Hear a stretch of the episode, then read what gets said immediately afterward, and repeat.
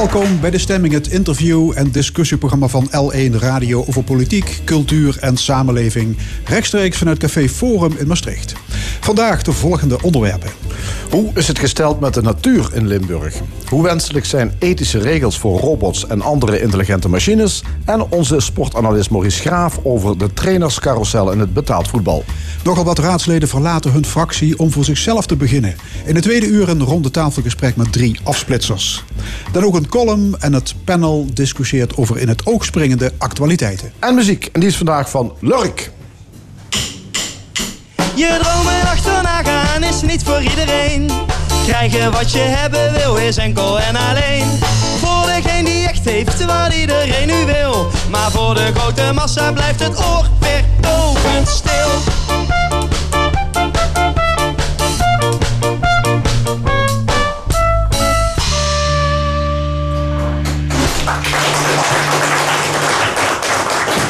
Het gaat slecht met onze natuur. Dieren- en plantensoorten verdwijnen in een rap tempo, vooral door een overmaat aan stikstof.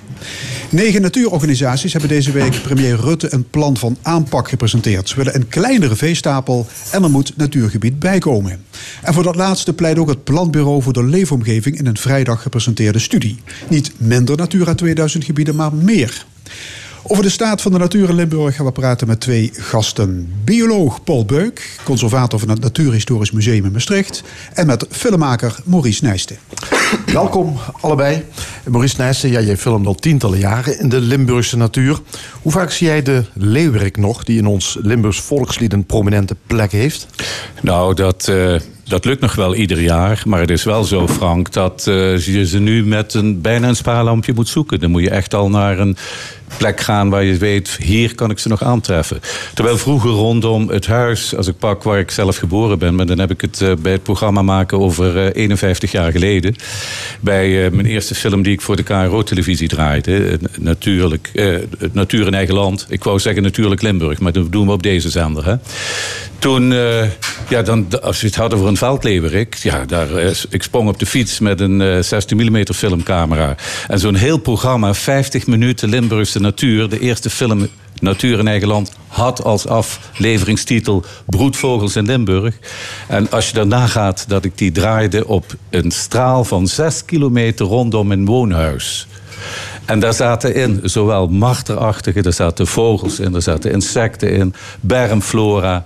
Kortom, hier spreken inderdaad met een oude man die dus zegt van dat was er allemaal nog. En, ja, en, nu, uh, en nu, moet je veel verder reizen ja. om al die soorten in beeld te krijgen. Ik, ik denk als ik uh, die film weer eens even opnieuw ga terugkijken, dat ik uh, ongeveer door heel Limburg moest reizen om diezelfde film te kunnen produceren. Los van het feit dat bij de bermflora, en dan kijk ik naar bioloog Paul, ja, dan, dan word je helemaal een beetje bedroefd. Want dan denk ik bij mezelf, dat was er vroeger gewoon met insecten en de bekende flora.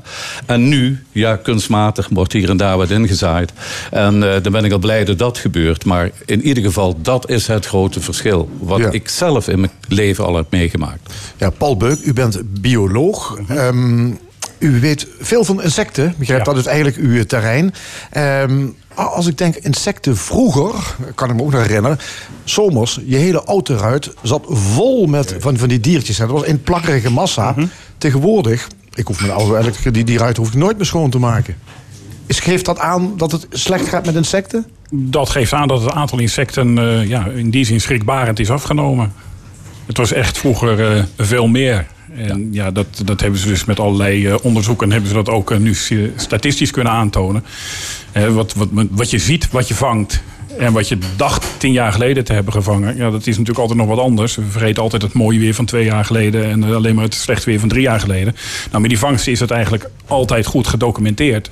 En dat hebben ze dus nu statistisch uh, gewoon echt goed kunnen onderzoeken. En dan blijkt dus dat die aantallen ja, gewoon tot 75% of meer uh, zijn gedaald. 75% ja. gedaald? Enorm, ja. Met, met, welke dieren, welke, met welke soorten dieren, planten, soorten, waar gaat het slecht mee in Limburg? Of is dat een, een, vraag waar niet uh, aan te beginnen valt om die te beantwoorden? Ik, ik, denk dat alles onder druk staat. Met uitzondering van een paar uh, cultuurvolgers die gewoon echt goed gebruik kunnen maken van ja, wat wij als mensen aanleveren. Maar voor de rest, dat alles wat het op eigen houtje letterlijk moet doen, dat die dus ja, onder druk staan. Ja. Maurice, uh, mee eens? Uh, alles Ja, staat onder druk? Helemaal mee eens. Ehm, ja, pak een voorbeeld cultuurvolgers. Dan denk ik de steenmachter die eh, floreert. Ik, dat is zomaar één voorbeeld wat me meteen te binnen schiet. Maar eh, ja, als het, als het niet cultuurvolger is, dan staat het... Ja, dat, ik sluit me gewoon aan bij wat Paul zegt. Dan staat het per definitie eh, onder druk. Er wordt mij wel eens verweten, eh, Frank... dat ik eh, vooral de mooie dingen laat zien hè, op L1 televisie. Eh, dat is zo. Ik kan natuurlijk ook een hele klachtenlijst voorbij laten komen. En toch vind ik journalistieke programma's zoals deze... die uitlaatklep waarin je dat weer eens kwijt kunt. En ik denk dat dat eh, genoeg aan de kaak gesteld moet worden. Van de andere kant laat ik mooie dingen zien net op televisie... om, te om de mensen te laten zien, het is er nog wel. Dus de moeite waard. Juist, dat, Ja. dat is die conclusie. Ja, de- deze week was in het nieuws dat er 25.000 beestjes in één kerstboom zitten. Dan denk je, ja, zo slecht gaat het niet met de fauna. Hè. De eik, hè, dat is de eerste boom die mij te binnen schiet als het over dat soort aantallen gaat. Dat is zo. En dan kijk ik weer gelijk naar Paul. Want alleen al de aantal insecten in een eik, ja, die er De- de per eik- definitie in thuis horen. De eik heeft eh, voor ons eigenlijk het, het, het hele fijne. Die zet drie keer per jaar zet hij opnieuw blad. Ja. En daardoor hebben een heleboel dieren de kans gekregen om daar dus op te gaan eten. De eik die gaat er niet gelijk aan dood als die eerste lading blaadjes is verdwenen. Want die maakt weer nieuwe. En dan komen er weer andere beesten die daarvan eh, kunnen genieten. Dus de eikenfauna is een van de rijkste die we hebben. Inclusief die processierups. Ja, ik begrijp, het gaat eh, heel slecht eh, bijvoorbeeld met de heide, stuifzand, hè, dat, dat soort eh, biotopen. Maar er is volgens de Universiteit van Wageningen, die hebben onderzoek gedaan, er is ook nog wel een uitzondering. En dat is bijvoorbeeld langs de rivieren. Daar zou het op zich niet eens zo slecht gaan. Kunnen jullie dat beamen? De natuur rond de rivieren. Dus ik denk dan aan de Ja, nou, Maas. het- ik, ik heb weinig ervaring precies van wat er precies rond de rivier en op al die andere plaatsen dan precies allemaal rondloopt. Maar ik kan me wel voorstellen, de rivier is een heel dynamisch landschap. Daar wordt continu wordt daar, eh, ja, de grond ook vervangen. Je hebt dus continu aanvoer van nieuw materiaal. En als je dus een probleem hebt met stikstof wat te rijk wordt, ja, dat blijft in de bodem van een akker blijft dat gewoon zitten. Langs een rivier zit daar weer verplaatsing in. Ja, zie jij het ook, eh, Ja, ik, ik zit dan meteen, meteen te denken aan natuurontwikkelingsgebieden. en daar is natuurlijk eh, net de rivier natuurrijk aan. Hè, laten we eens eh, stellen, ik pak bijvoorbeeld het eerste wat me binnen schiet in Noord-Limburg. eh, Barbara Zweert, waar ik veel gefilmd en, en nou ja, onderzoek met je camera onderzoek heb gedaan. Daar zie je inderdaad dat er enorme mogelijkheden zijn. Als je ook pakt flora, hè, dat eh, die rivierflora, het aanvoer van zaden en de rivieren de ruimte geven, wat we nu dus weer zijn en doen. In de toekomst de ooipolders, wat we dan eh, bij Maaswaal al, al wat beter zien en waar in het Zuid-Limburg al eh, de eerste stappen te zien zijn, grensmaas. Ja, daar zie je wel inderdaad flora ontstaan. Dat je zegt, ja, dat is mooi, dat wordt meegenomen en door de overstroming krijgt die flora een kans. Nou, ook steltlopers, ik zit aan vogels te denken... die op de trek eh, mooi kunnen fourageren in dat soort gebieden. Dat kun je in zekere zin wel mooi noemen van zo'n eh, puur natuurontwikkelingsgebied. Ja, dat is dan toch nog weer een klein, lichtpuntje. Maar goed, het, het gaat dus heel slecht met onze natuur. Die conclusie hebben we getrokken. Eh, De oorzaak, eh, ik hoor stikstof. Beamen jullie dat of, moeten we, of valt daar nog iets op af te dingen? Nou, ik heb een tijdje geleden van, eh, van Henk Siepel, professor in eh, Nijmegen, nog een uitgebreide eh, verhandeling gehoord. En ja, die noemt dus stikstof, versnippering, vooral het kleiner worden van natuurgebieden. En eh, ja, eh, bestrijdingsmiddelen. Ja, kleiner worden van natuurgebieden. Stikstof bedoel, daar zijn we het wel over eens. hè. Daar is veel over gesproken. Met dat kleiner worden van natuurgebieden. We hebben in Nederland een netwerk van natuurgebieden. De, de, de Natura 2000 gebieden. Ooit aangelegd om de natuur te beschermen. Is dat te weinig? Eh, Is dat gewoon te, te karig ingestoken dan? Eigenlijk wel. Het Ja. netwerk is gewoon eh, niet samenhangend genoeg. Eh, er zitten te veel kwetsbare stukjes tussen. En eh, als het puntje bij paaltje komt, dan zijn er toch genoeg Natura 2000 gebieden die het loodje leggen. Omdat dat voor de ontwikkelingen van. Puntje, puntje, Ja. Boris Nijsten, filmmaker. Van, van de andere kant eh, juich ik toe dat natuurbeschermingsorganisaties, zoals bijvoorbeeld het Limburgs Landschap, maar ook Natuurmonumenten en Staatsbosbeheer, steeds meer bezig zijn geweest de laatste jaren om kleinere natuurgebieden aan elkaar te koppelen. Het grootste natuurgebied in ons land is natuurlijk de Waddenzee en de Veluwe. Maar eh, je ziet wel dat de versnippering, dat als je die, eh, de organisaties maar de kans geeft, die willen wel. Want zo kun je de natuur natuurlijk rijker maken. Van de andere kant blijft regeren vooruitzien. En als ik dan denk van, eh, ja, in mijn tijd, 19, 1970 was het eerste natuurbeschermingsjaar 1970. De, de Club van Rome. wat is er allemaal van terechtgekomen? Ik lees daar dingen in die rapporten. We hebben het over 1970, ruim 50 jaar geleden waarvan we nu zeggen, hadden we daar tussentijds niet eens werk van moeten maken. En dat is natuurlijk toch dweilen met de kraan open, wat ook in Europees verband uh, gebeurd ja. is. Ja, uitbreiden van die natuurgebieden, dat is ook bepleit door de natuur- en de milieuorganisaties die deze week op het Katshuis hè, bij de premier zaten. Mm. Uh, toch gaat het kabinet, hebben ze al aangekondigd, bekijken of er niet Natura 2000 gebieden geschrapt kunnen worden. Ja, dat is net zoiets, ja, dat is net iets het aanpassen van de norm. Als je de norm omhoog trekt uh, dan, uh, van, uh, van de PFAS, wat we dus recent hebben gedaan, ja. ja. dan ben je minder snel vervuilend bezig.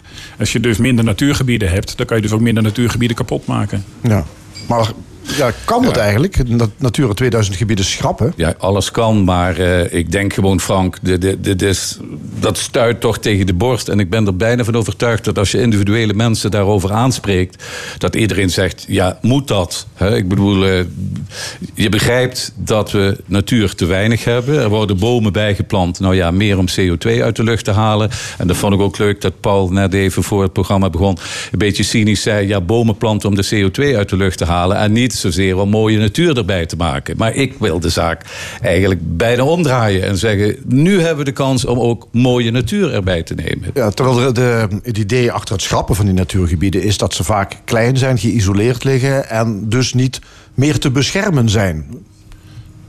Nou, het wordt steeds moeilijker om ze te beschermen. En een van die dingen wat de landschappen dus doen... is proberen ze toch met elkaar in verbinding te brengen. Zodat ze dus nog een, een capaciteit hebben om zichzelf te kunnen herstellen. Mm. Maar de invloed van de omgeving wordt natuurlijk steeds groter in die kleine gebiedjes. Ja. Dus uh, het, het, het, inwaaien van bijvoorbeeld bestrijdingsmiddelen. Ja. En dat hoopt zich daar gewoon op. Heel simpel, de waterstromen die dus zeg maar van de akkers komen en de natuurgebieden inlopen, nemen alle ellende van de akkers en van de landbouw nemen ze mee die natuurgebieden in. Ja, de veestapel die zou ingekrompen moeten worden. Ook een, een vraag van de natuurorganisaties. Eigenlijk ja, een eis hè, om uh, de natuur in stand te houden. Um, wat, wat lost dat op? Minder koeien? Minder koeien, ja. Uh, ik denk dat we dat allemaal wel weten. Dan hebben we ook minder uitwerpselen en dus uh, minder uh, stikstof, minder uitstoot, dat soort dingen. Is dat, is dat meteen, of is dat redelijk snel merkbaar als we de veestapel zouden afbouwen? Is dat... ik, ik denk dat dat, als je dat massaal zou aanpakken, dat dat redelijk snel te meten zou zijn. Maar ja, dat is zo'nzelfde soort vraag van 130 terugbrengen naar 100. je zou eigenlijk kunnen zeggen, ook dat was weer zo'n punt. Hè? Dus toen hoe, was het tien jaar geleden van 100 naar of 120, 130 wegen kwamen. En nu zien we, het is eigenlijk al te laat. Maar goed, laten we maar naar 100 gaan rijden. Dat doet alweer wat.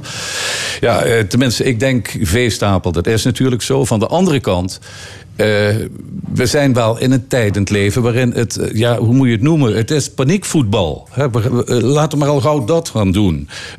Je zou kunnen zeggen, er zijn zoveel maatregelen die dus nu in paniek genomen worden. Dat had heel vloeiend kunnen gaan. En als je zegt veeteelt inkrimpen, dan had je ook kunnen zeggen, waarom hebben we dan tien jaar geleden nog van die megastallen laten bouwen in kwetsbare gebieden? Met andere woorden, het regeren is vooruitzien nou, dan kijk je toch maar naar onze overheid en ook de Europese overheid. En dan blijken de economische belangen toch zo vaak voorop te staan dat achteraf krokodillentranen gemaakt worden als het over natuur gaat. Ja. Paul Beuk, u bent bioloog. Uh, stel je zou die veestapel inkrimpen. Heb je dan binnen een paar jaar of al resultaat? Gaat dat snel uh, wat betreft uh, als, de natuur? Als, als, het gaat om de, hoe intensief het land gebruikt wordt, ga je het resultaat heel snel zien. Die stikstof, die zit in de bodem. Die ben je voorlopig nog niet kwijt. En dat heeft gewoon een, een heel langlopend effect. Want dat, dat beïnvloedt gewoon de plantengroei. En de planten, ja, de, zeg maar de chemische samenstelling van een plant beïnvloedt ook weer van hoe dieren die ervan eten ermee omgaan. En een van de redenen waarom we waarschijnlijk nu veel minder vlinders zien, is dat de rupsen die van de ja, goed gevoerde planten eten, heel veel stikstof binnenkrijgen. En eigenlijk te snel stoppen met eten, omdat hun brein zegt van je hebt genoeg stikstof gehad, terwijl ze nog niet genoeg van de andere stoffen hebben gehad. En uiteindelijk dus niet volwassen kunnen worden. Ja. Dus het blijft een hele tijd nog naeilen. Ja, um, er is nu een enorme polarisatie ontstaan. Natuur versus de boeren. Maar is het ook denkbaar dat dat bij elkaar komt? Dat die boeren misschien juist een rol kunnen spelen bij die verbetering van die natuur? Maurice Nijsten? Ja, uh, ik denk, er zijn natuurlijk allerlei onderzoeken bezig van uh, of dat mogelijkheden zijn. Er zullen beslist mogelijkheden zijn. Maar ik zou bijna zeggen, dat is nou niet direct mijn uh, pakje aan om te zeggen, is daar een goede oplossing? Daar zitten zoveel politieke zaken aan vooraf. bijvoorbeeld nu ja, uitkopen en dit soort dingen allemaal. Ja, tot hoe ver gaan we? tuurlijk, de boer op zich is iemand die de natuur niet alleen nodig heeft, maar die zo goed mogelijk met de natuur wil omgaan. En dat er na de ruilverkaveling in de, in de 50er jaren, toen opgestart werd, groter en groter en groter, moest de boer mee. ik bedoel, wat ik net zei, in dat dorpje Neerbeek, waar ik geboren ben, waar ik die film maakte van zes kilometer in het straal rondom het huis, daar waren allemaal gemengde bedrijfjes. Een boer had twaalf koeien, uh, tien, tien varkens. En op die manier werd er geboerd. Nou, die was wel degelijk een natuurliefhebber, diezelfde boer. Ja. Is onze natuur nog te redden, Paul Beuk? Ja, maar het zal een hoop moeite kosten. Maar Gelukkig, de natuur zelf heeft een heel groot eh, herstelvermogen. Uh, want we zien gewoon nu dat er nog steeds nieuwe insecten gevonden worden in Nederland. en, uh, ja, die zitten zelfs midden in de stad, waar je dan niet gelijk het idee hebt van er is natuur. Ze zitten hier gewoon. ze kunnen veel meer dan dat we denken, maar we moeten ze wel de kans geven. Dank jullie wel. Bioloog Paul Beuk van het Natuurhistorisch Museum in Maastricht en filmmaker Maurice Nijsten. Zo dadelijk in de stemming techniekfilosoof Kathleen Gabriels moet bij het ontwerp van nieuwe technologie beter gelet worden op de ethische kwaliteit. Maar eerst muziek. Aan tafel Jesper Fassotte van de groep Lurk uit Venlo. Goed uitgesproken, uh, goedemorgen. Ja, wat betekent Lurk? Uh, nou, het, het, het motto zeg maar... Limburg, Limburgs woord neem ik aan, hè? Ja, wat zit ze te lurken? Als je, uh, hoe moet ik dat uitleggen? Um, het motto van onze band is een beetje in onze gehaaste maatschappij, waar we de hele tijd bereikbaar moeten zijn en 24-7 druk zijn, moet je eens wat vaker gaan zitten en met vrienden aan een biertje lurken of aan een waterpijp lurken. Dat is controversieel, maar dat kun je ook nog doen. Dus gewoon wat meer uh, ontspannen. Ontspannen, ja. Voor. Wat voor muziek maken jullie? Uh, Nederlandstalige reggae slash ska-muziek. Uh, denk een beetje aan, aan Doe-maar-achtige liedjes. Ja, dat is een inspiratiebron, doe maar. Ja, is een inspiratiebron. Of, Typhoon? Of, uh, nou, nee, ik denk wel doe maar. Misschien nog een beetje toontje lager. Uh, maar het zijn wel echt eigen liedjes. Ik, we zijn geen replica van doe maar. Dat nee. ik wel gezegd hebben.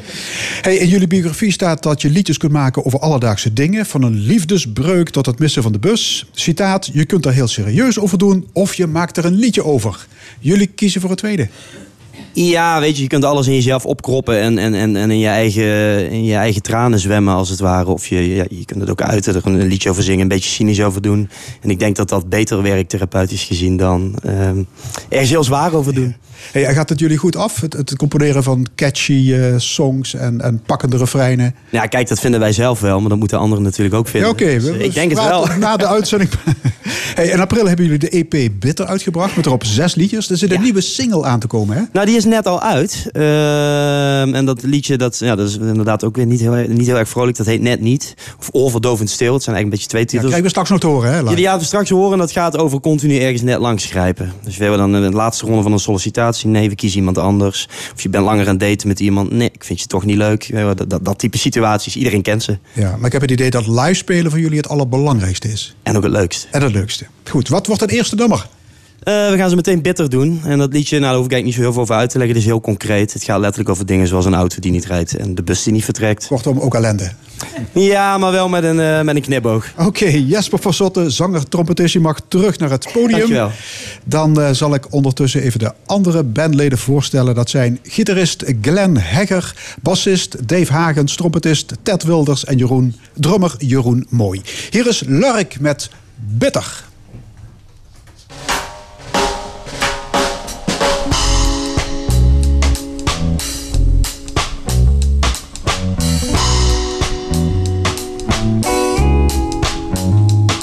Een auto die niet rijdt en de bus die niet vertrekt.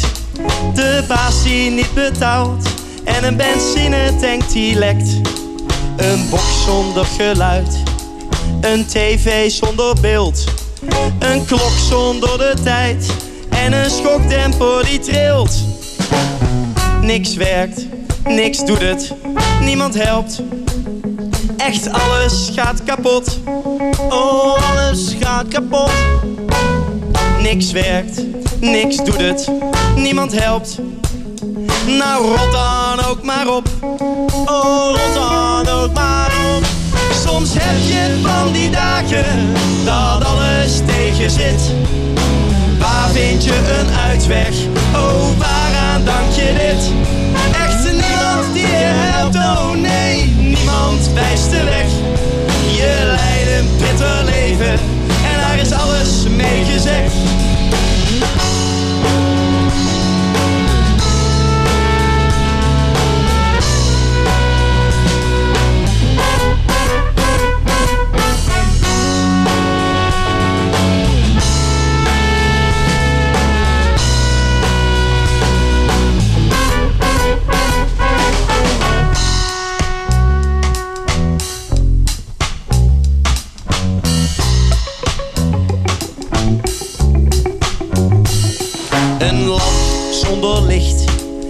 Een deur zonder slot.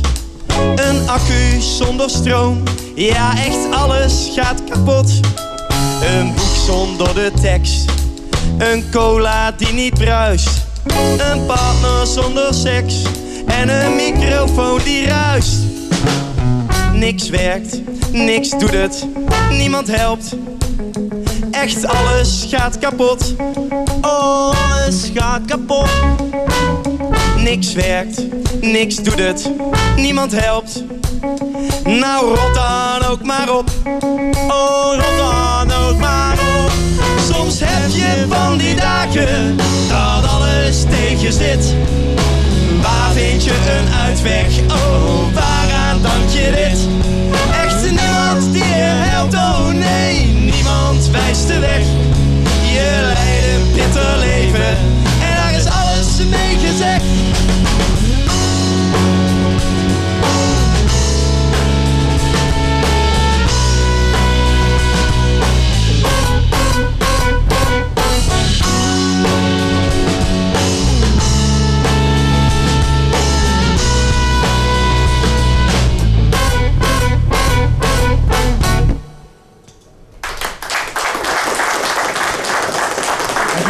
Lurk.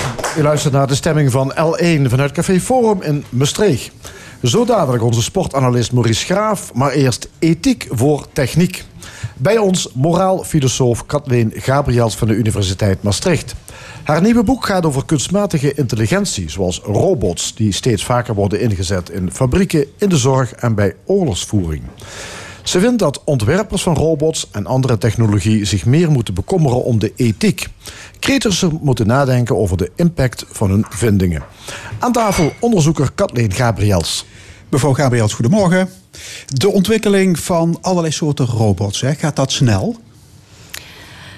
Wel, eh, het ligt er maar aan hoe dat je het bekijkt. De eerste robot was er eh, in de fabrieken begin jaren 60. En dan is het ja, is dat wel gestaag gegaan, maar het is vooral de laatste jaren dat er een hele sterke doorbraak is. Uiteraard door die samengang tussen kunstmatige intelligentie en robotontwikkeling. Ja, dus allerlei slimme jongens en meisjes zitten in allerlei werkplaatsen van de hele wereld aan te werken. Niet alleen in werkplaatsen, ook eh, op universiteiten Ja, natuurlijk. zeker. Eh, ja, u zei het al, eh, sinds het begin van de jaren 60 heb je industriële robots.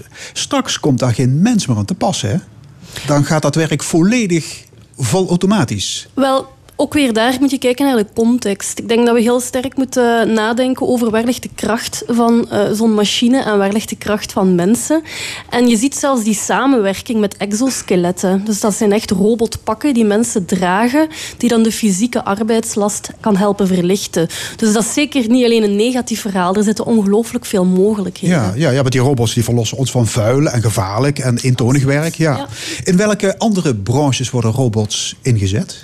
Wel, ik denk dat eh, een aantal hele actuele discussies daar over de zelfrijdende wagen, want dat is ook een robot natuurlijk, en zorgrobots. Dat is nog eh, een heel actueel debat. Eh, in hoeverre kan dat de zorg opvangen? Maar het mag natuurlijk nooit de zorg gaan vervangen. Ja, Je wat kan wat kunnen die robots in de zorg? Wat doen die? wat er al bestaat, eh, zijn robots die medicatie verdelen in uh, zorgcentra. Die zijn er ook veel beter in dan mensen. Dat is iets heel repetitief. Dat is, uh... Je vergeet er nooit om pillen toe te dienen? Wel, dat gaat eigenlijk meer om de bakjes klaar te maken. Bakjes, ja. maar, maar een robot zal nooit empathie hebben. Dus je moet daar die, die zorg op dat vlak niet gaan opvangen. Of ook niet als een soort van surrogaat, substituut, om die stijgende vergrijzing en die stijgende kost op te gaan Ja, en ze zijn beter in het opereren dan, dan de chirurg? Wel, er zit natuurlijk nog een... Dus de Da Vinci-robot, die wordt ingezet bij, uh, bij prostaatoperaties. Daar zit natuurlijk nog wel een, uh, een, een chirurg die de robot bedient. Maar een robot trilt natuurlijk niet zoals mensenhanden. Uh, en met, met heel gedetailleerd werk. Uh, ook weer daar een hele mooie samenwerking. Dus, dus, op maandagochtend kun je beter door zo'n robot geopereerd worden dan door een, door een chirurg? Ik denk dat je in stijgende lijn uh, door, die, door die robot gaat geopereerd worden. het ligt er natuurlijk aan in welke context. Maar als het gaat om echt detailwerk, ja, zoals ik al zei, die, dat, dat beeft niet zoals mensenhanden. Ja. En je hebt robots die, die stofzuigen. Robots die het gras maaien. Absoluut. Uh, oorlogsdrones die vijandelijke doelen onder vuur nemen. Dat, dat zijn ook drones? Dat zijn ook robots? Dat zijn ook robots, ja. ja. En u zegt die lawine aan nieuwe technologie... die zou eigenlijk onderworpen moeten worden aan ethische regels. Wel, waarom is dat nodig? Wel, ik denk dat ik al een hele mooie link zag... met uh, het vorige gesprek. De, de, de Club van Rome is vermeld. Die komt sinds 1968 samen om na te denken over milieuproblematiek. Um, en daar, daar, is toen helemaal niet, niet, voldoende naar geluisterd. En we hebben ook, als het dan gaat over die grote techbedrijven, die, uh, ja, al die computers, de smartphone, die op hele korte tijd onze maatschappij echt veranderd heeft. De eerste smartphone is maar sinds 2007 op de markt. Dat gaat hmm. over 12 jaar. En ondertussen zijn, ja, is onze maatschappij daar voor een stukje door veranderd. Um, we hebben dan ook die schandalen gehad. Ik denk dat Cambridge Analytica, uh, van het, dus het Britse bedrijf, dat uh, werd ingezet of, of ingehuurd door het campagneteam van Trump, door het Leave-kamp van de Brexit, is ook een van die schandalen die toch die, die roep om regels duidelijker eh, of, of ja, luider dat, dat, is de reden waarom u zegt van kunstmatige intelligentie is niet waardevrij. Ja, Technologie is niet neutraal. Dat is een groot misverstand. Dat wilt u graag de wereld uithelpen. Ja, en als ontwerper maak je niet alleen functionele, maar ook morele keuzes. Omdat je altijd, ja, iedereen heeft vooroordelen. Uh, er is altijd de valkuil dat je je eigen leven als norm neemt. Ja, maar laten we, u had het er straks over de zelfrijdende auto. Hè? Je hoeft mhm. niks meer te doen achter het stuur zelf. Wat zijn, wat zijn de morele dilemma's? Wel, het idee dat je niets meer hoeft te doen klopt ook niet helemaal. Je moet dat een beetje vergelijken met, met vliegtuigen. Vliegtuigen zijn ook vliegende computers. Uh, maar er zit wel nog altijd een piloot klaar om het manueel te kunnen overnemen. En zo moet je volgens de wetgeving in Europa ook die zelfrijdende wagen zien. Ja, wat zijn daar de morele dilemma's? Ik denk dat ja, de verantwoordelijkheidsvraag. Je ziet volgens de huidige wetgeving wie is verantwoordelijk. Uiteindelijk is dat de eigenaar van de wagen. Maar in een zelfrijdend systeem zie je dat die verantwoordelijkheid heel sterk verschuift of in elk geval verdeeld wordt. Dus je hebt uh, de, de auto-ontwikkelaars, maar je hebt ook die, de, gemeente of het land dat de infrastructuur levert. Maar je hebt ook um, de, degene die de technologie moeten updaten voortdurend om veiligheidslekken of andere problemen uh, te voorkomen. Um, dus er zijn, er, dat is een heel, een heel grote vraag van wie is er verantwoordelijk als er iets gebeurt. En er zijn natuurlijk al um, al precedenten. Ja, u, u, noemt in het boek het, het, het, voorbeeld van de, de auto moet uitwijken, of naar links of naar rechts. Rechts stel een klein kind, links een bejaarde. Wel, dat waar, is, waar moet die auto naartoe? Wel, dat is waar het debat. Um, tot gereduceerd wordt. En ik geef er ook wel kritiek op. Maar dat is wel. Dus, dus um, dat is een soort van gedachte-experiment dat sinds de jaren 60 in de filosofie bestaat. Namelijk, je legt morele dilemma's voor en je gaat kijken hoe gaan mensen, hoe gaan mensen een keuze maken. En inderdaad, MIT, een Amerikaanse universiteit, heeft zo 13 scenario's ontwikkeld en iedereen kan die uh, beoordelen. En dat zijn dan van die scenario's als we weten dat de zelfrijdende wagen gaat crashen. Moet die inderdaad de dakloze aanrijden of de jonge, fitte vrouw? En wat zie je dan? Um, over het algemeen gaan mensen zorgen om zoveel mogelijk mensen te redden. Dus als er een groep mensen moet aangereden worden of één iemand, dan gaan, uh, dan, uh, gaan ze zoveel mogelijk mensen redden. Maar dat is ook altijd contextafhankelijk. Want als die ene persoon die zou sterven jouw partner is, dan gaan mensen, tenzij in een zeer slechte relatie zit, gaan mensen zeggen van nee, uh, laat die vijf mensen maar sterven. Nu, wat is daar interessant aan? Ehm, waarom is dat zo'n actueel debat? Omdat je een wagen hebt die verregaand geprogrammeerd kan worden. En we zitten ook met zelflerende algoritmen. Dus welke keuze gaat zo'n machine maken? Er is een, één land dat al een duidelijke code, ethische code heeft. Dus ethische regels voor robots op het vlak van zelfrijdend transport. Dat is Duitsland. En zij hebben gezegd, een uh, wagen mag nooit zo'n beslissing op basis van persoonlijke kenmerken gaan maken. Dus um, de oudere persoon eerder laten sterven dan de jongere. Er is wel één regel die terugkeert uit die regels van, de, van MIT. En dat is dat een mensenleven altijd moet primeren op dat van een dier of op uh, materiële schade. Dus zelfs al de Mona Lisa... Ja, zal de Partij voor de Dieren het wel niet, uh, niet mee eens zijn. Maar, maar als techniekfilosoof zegt u... je moet vanaf het begin van het ontwerp kijken naar de morele kant van de zaak. Ja, om... Ethiek is iets vanzelfsprekends. Wel, inderdaad, omdat je niet alleen functionele keuzes maakt als ontwerper... maar ook morele keuzes. Dus er is zo'n heel bekend geworden filmpje van een automatische handzeep op een publiek toilet die niet werkt met zwarte handen. Dus die technologie is niet getest bij zwarte mensen. Het heeft, heeft te maken met lichtsensoren, omdat witte handen reflecteren meer. Maar dus daar zie je, oké, okay, dat zal niet, absoluut niet met opzet gebeurd zijn. Nee, dat is meer dommigheid dan moraliteit. Ja, maar dan. je moet, ja, toch, het heeft wel een ethisch gevolg. Um, en lange tijd werd er maar naar die ethische kant gekeken nadat een technologie op de markt was. Maar eigenlijk is dit een pleidooi voor die vragen op voorhand te stellen. Nu moet ik wel zeggen, dat gebeurt wel al meer. En we zien zelfs dat heel veel mensen die mee ont ontwikkeld hebben aan die technologie, nu zelf daarom vragen.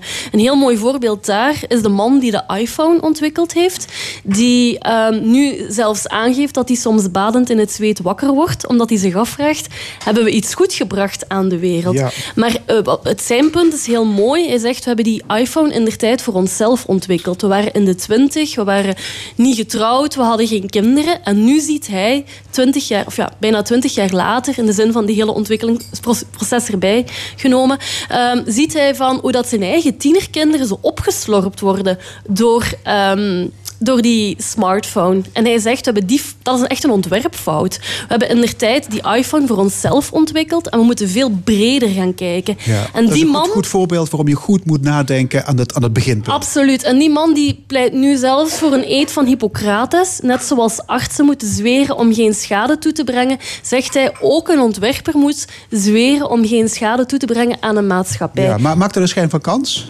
Ik bedoel, zouden Eh, er niet wettelijke regels moeten komen op dit ja, vlak? absoluut. Dus daar zien we ook dat ja, een ethische code is te zwak.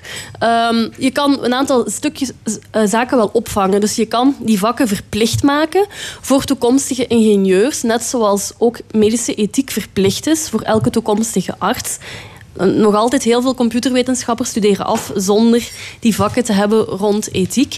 Maar je hebt inderdaad ook een betere regelgeving nodig. Dus een heel concreet voorbeeld daar. We weten dat uh, emotieherkennende software wordt wel gebruikt, is al op de markt, maar eigenlijk worden daar nog heel veel fouten uh, gemaakt. Dat systeem is niet heel accuraat, dus je kunt zo'n bedrijf verplichten om het cijfer van hoe accuraat is dit systeem eigenlijk verplicht vrij te geven. Mm. Zodat je ook als bevolking veel beter geïnformeerd bent. Ja, een analogie.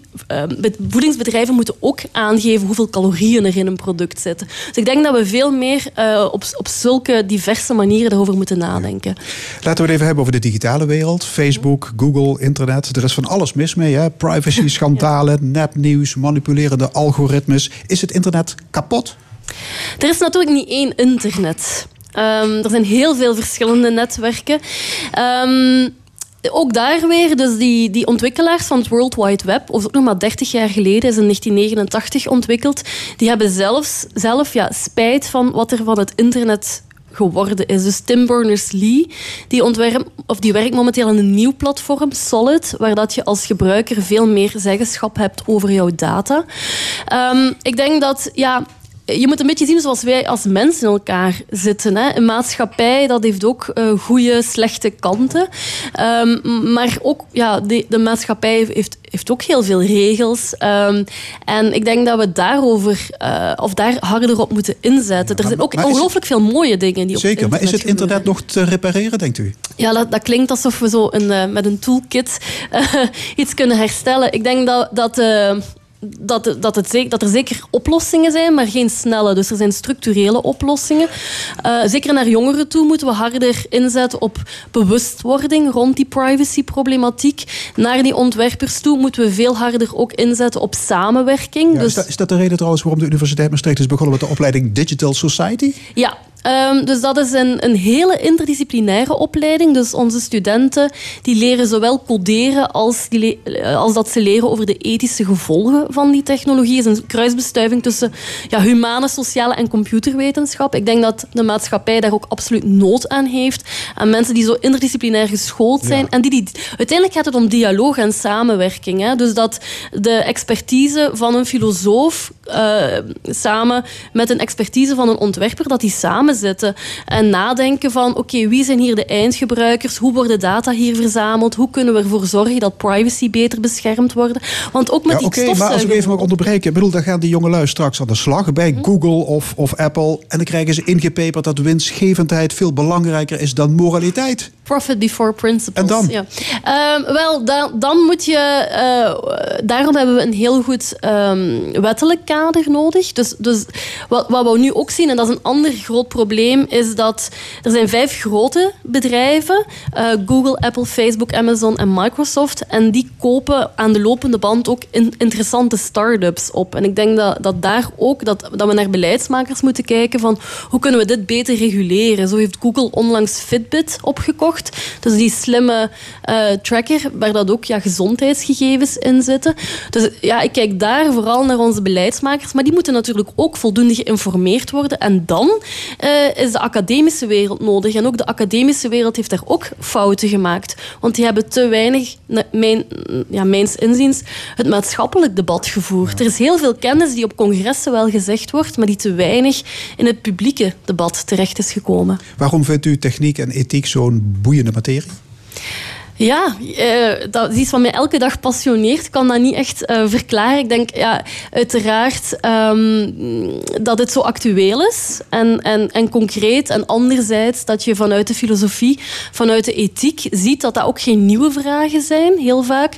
Um, ik denk dat het ook belangrijk is om, om ja, dat kritisch denken. Uh, van als, uh, bijvoorbeeld die, die CEO van Cambridge Analytica, die, die zei van maar wat wij doen is alleen maar goed. Want mensen krijgen gepersonaliseerde reclame, dat is alleen maar goed. En dat je dan vanuit de filosofie uh, kan helpen om, om die slechte argumenten te doorprikken. Oké, okay. nou ik heb nog 25 vragen. Kom nog een keer terug. Heel graag. Ja, goed. Het boek Regels voor Robots is verschenen bij uitgeverij VUB Press. Kathleen Gabriels, filosoof en docent computerethiek aan de Universiteit Maastricht. Hartelijk dank. Heel graag gedaan. Ja, hier op ons podium staat vandaag de Venloze groep Lurk. We gaan luisteren naar hun volgende nummer en dat is Poen. Uh, even correctie. Uh, we doen uh, overdovend stil niet. Poen komt als laatst. Oké. Okay. Maar niet uit. Nou, dat is al aangepast. Sorry.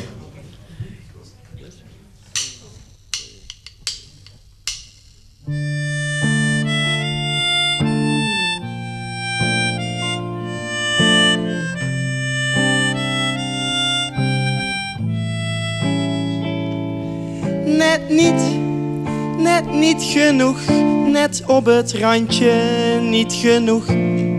Je kunt het ruiken en voelen, maar niet erbij.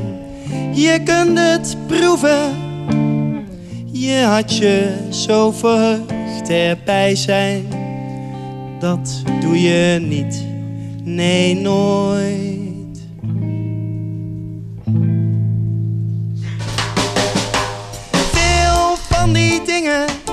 Waarop je je zo had verheugd, blijken niet te kloppen.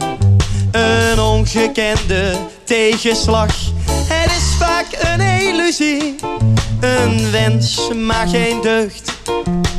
Wat je echt wil worden sinds je vroege jeugd. Je dromen achterna gaan is niet voor iedereen. Krijgen wat je hebben wil is enkel en alleen. Voor degene die echt heeft wat iedereen nu wil. Maar voor de grote massa blijft het oor weer dovend stil.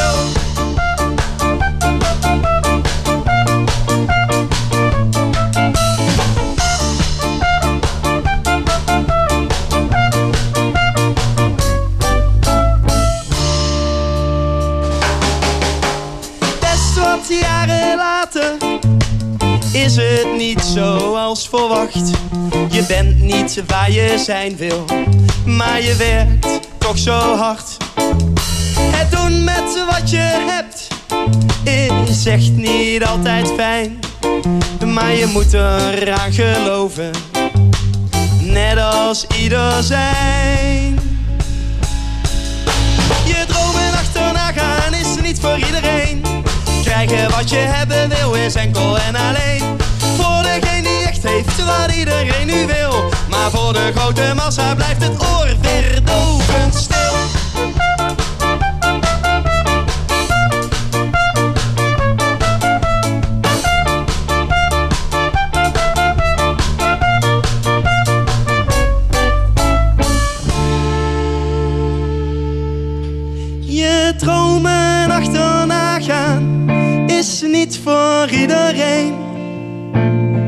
Krijgen wat je hebben wil is enkel en alleen voor degene die echt heeft wat iedereen nu wil.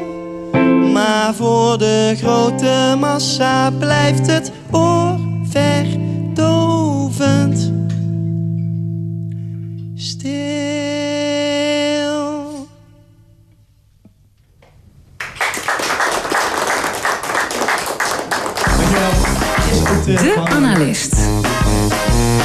Vandaag met sportanalist Maurice Graaf. Eh, goedemorgen, Maurice.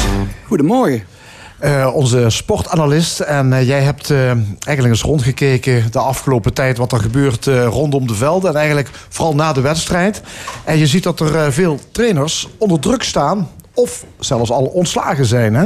Is er een, eh, een, een golf? eh, Eh, Lijkt het op dat er Ja. een golf is? Trouwens, na de wedstrijd betekent niet de derde helft. Hè? Ik, Nee, ik bedoel de volgende dag. nee, dan als je, als ja. je kijkt, eh, Jaap Stam bij Feyenoord was de eerste die, die opstapt. Maaskant bij VVV ontslagen. Groenendijk bij ADO opgestapt. En dan een heel aantal trainers. Stegeman bij PEC Zwolle. Ja, na gisteravond zit hij weer even een paar weken steviger.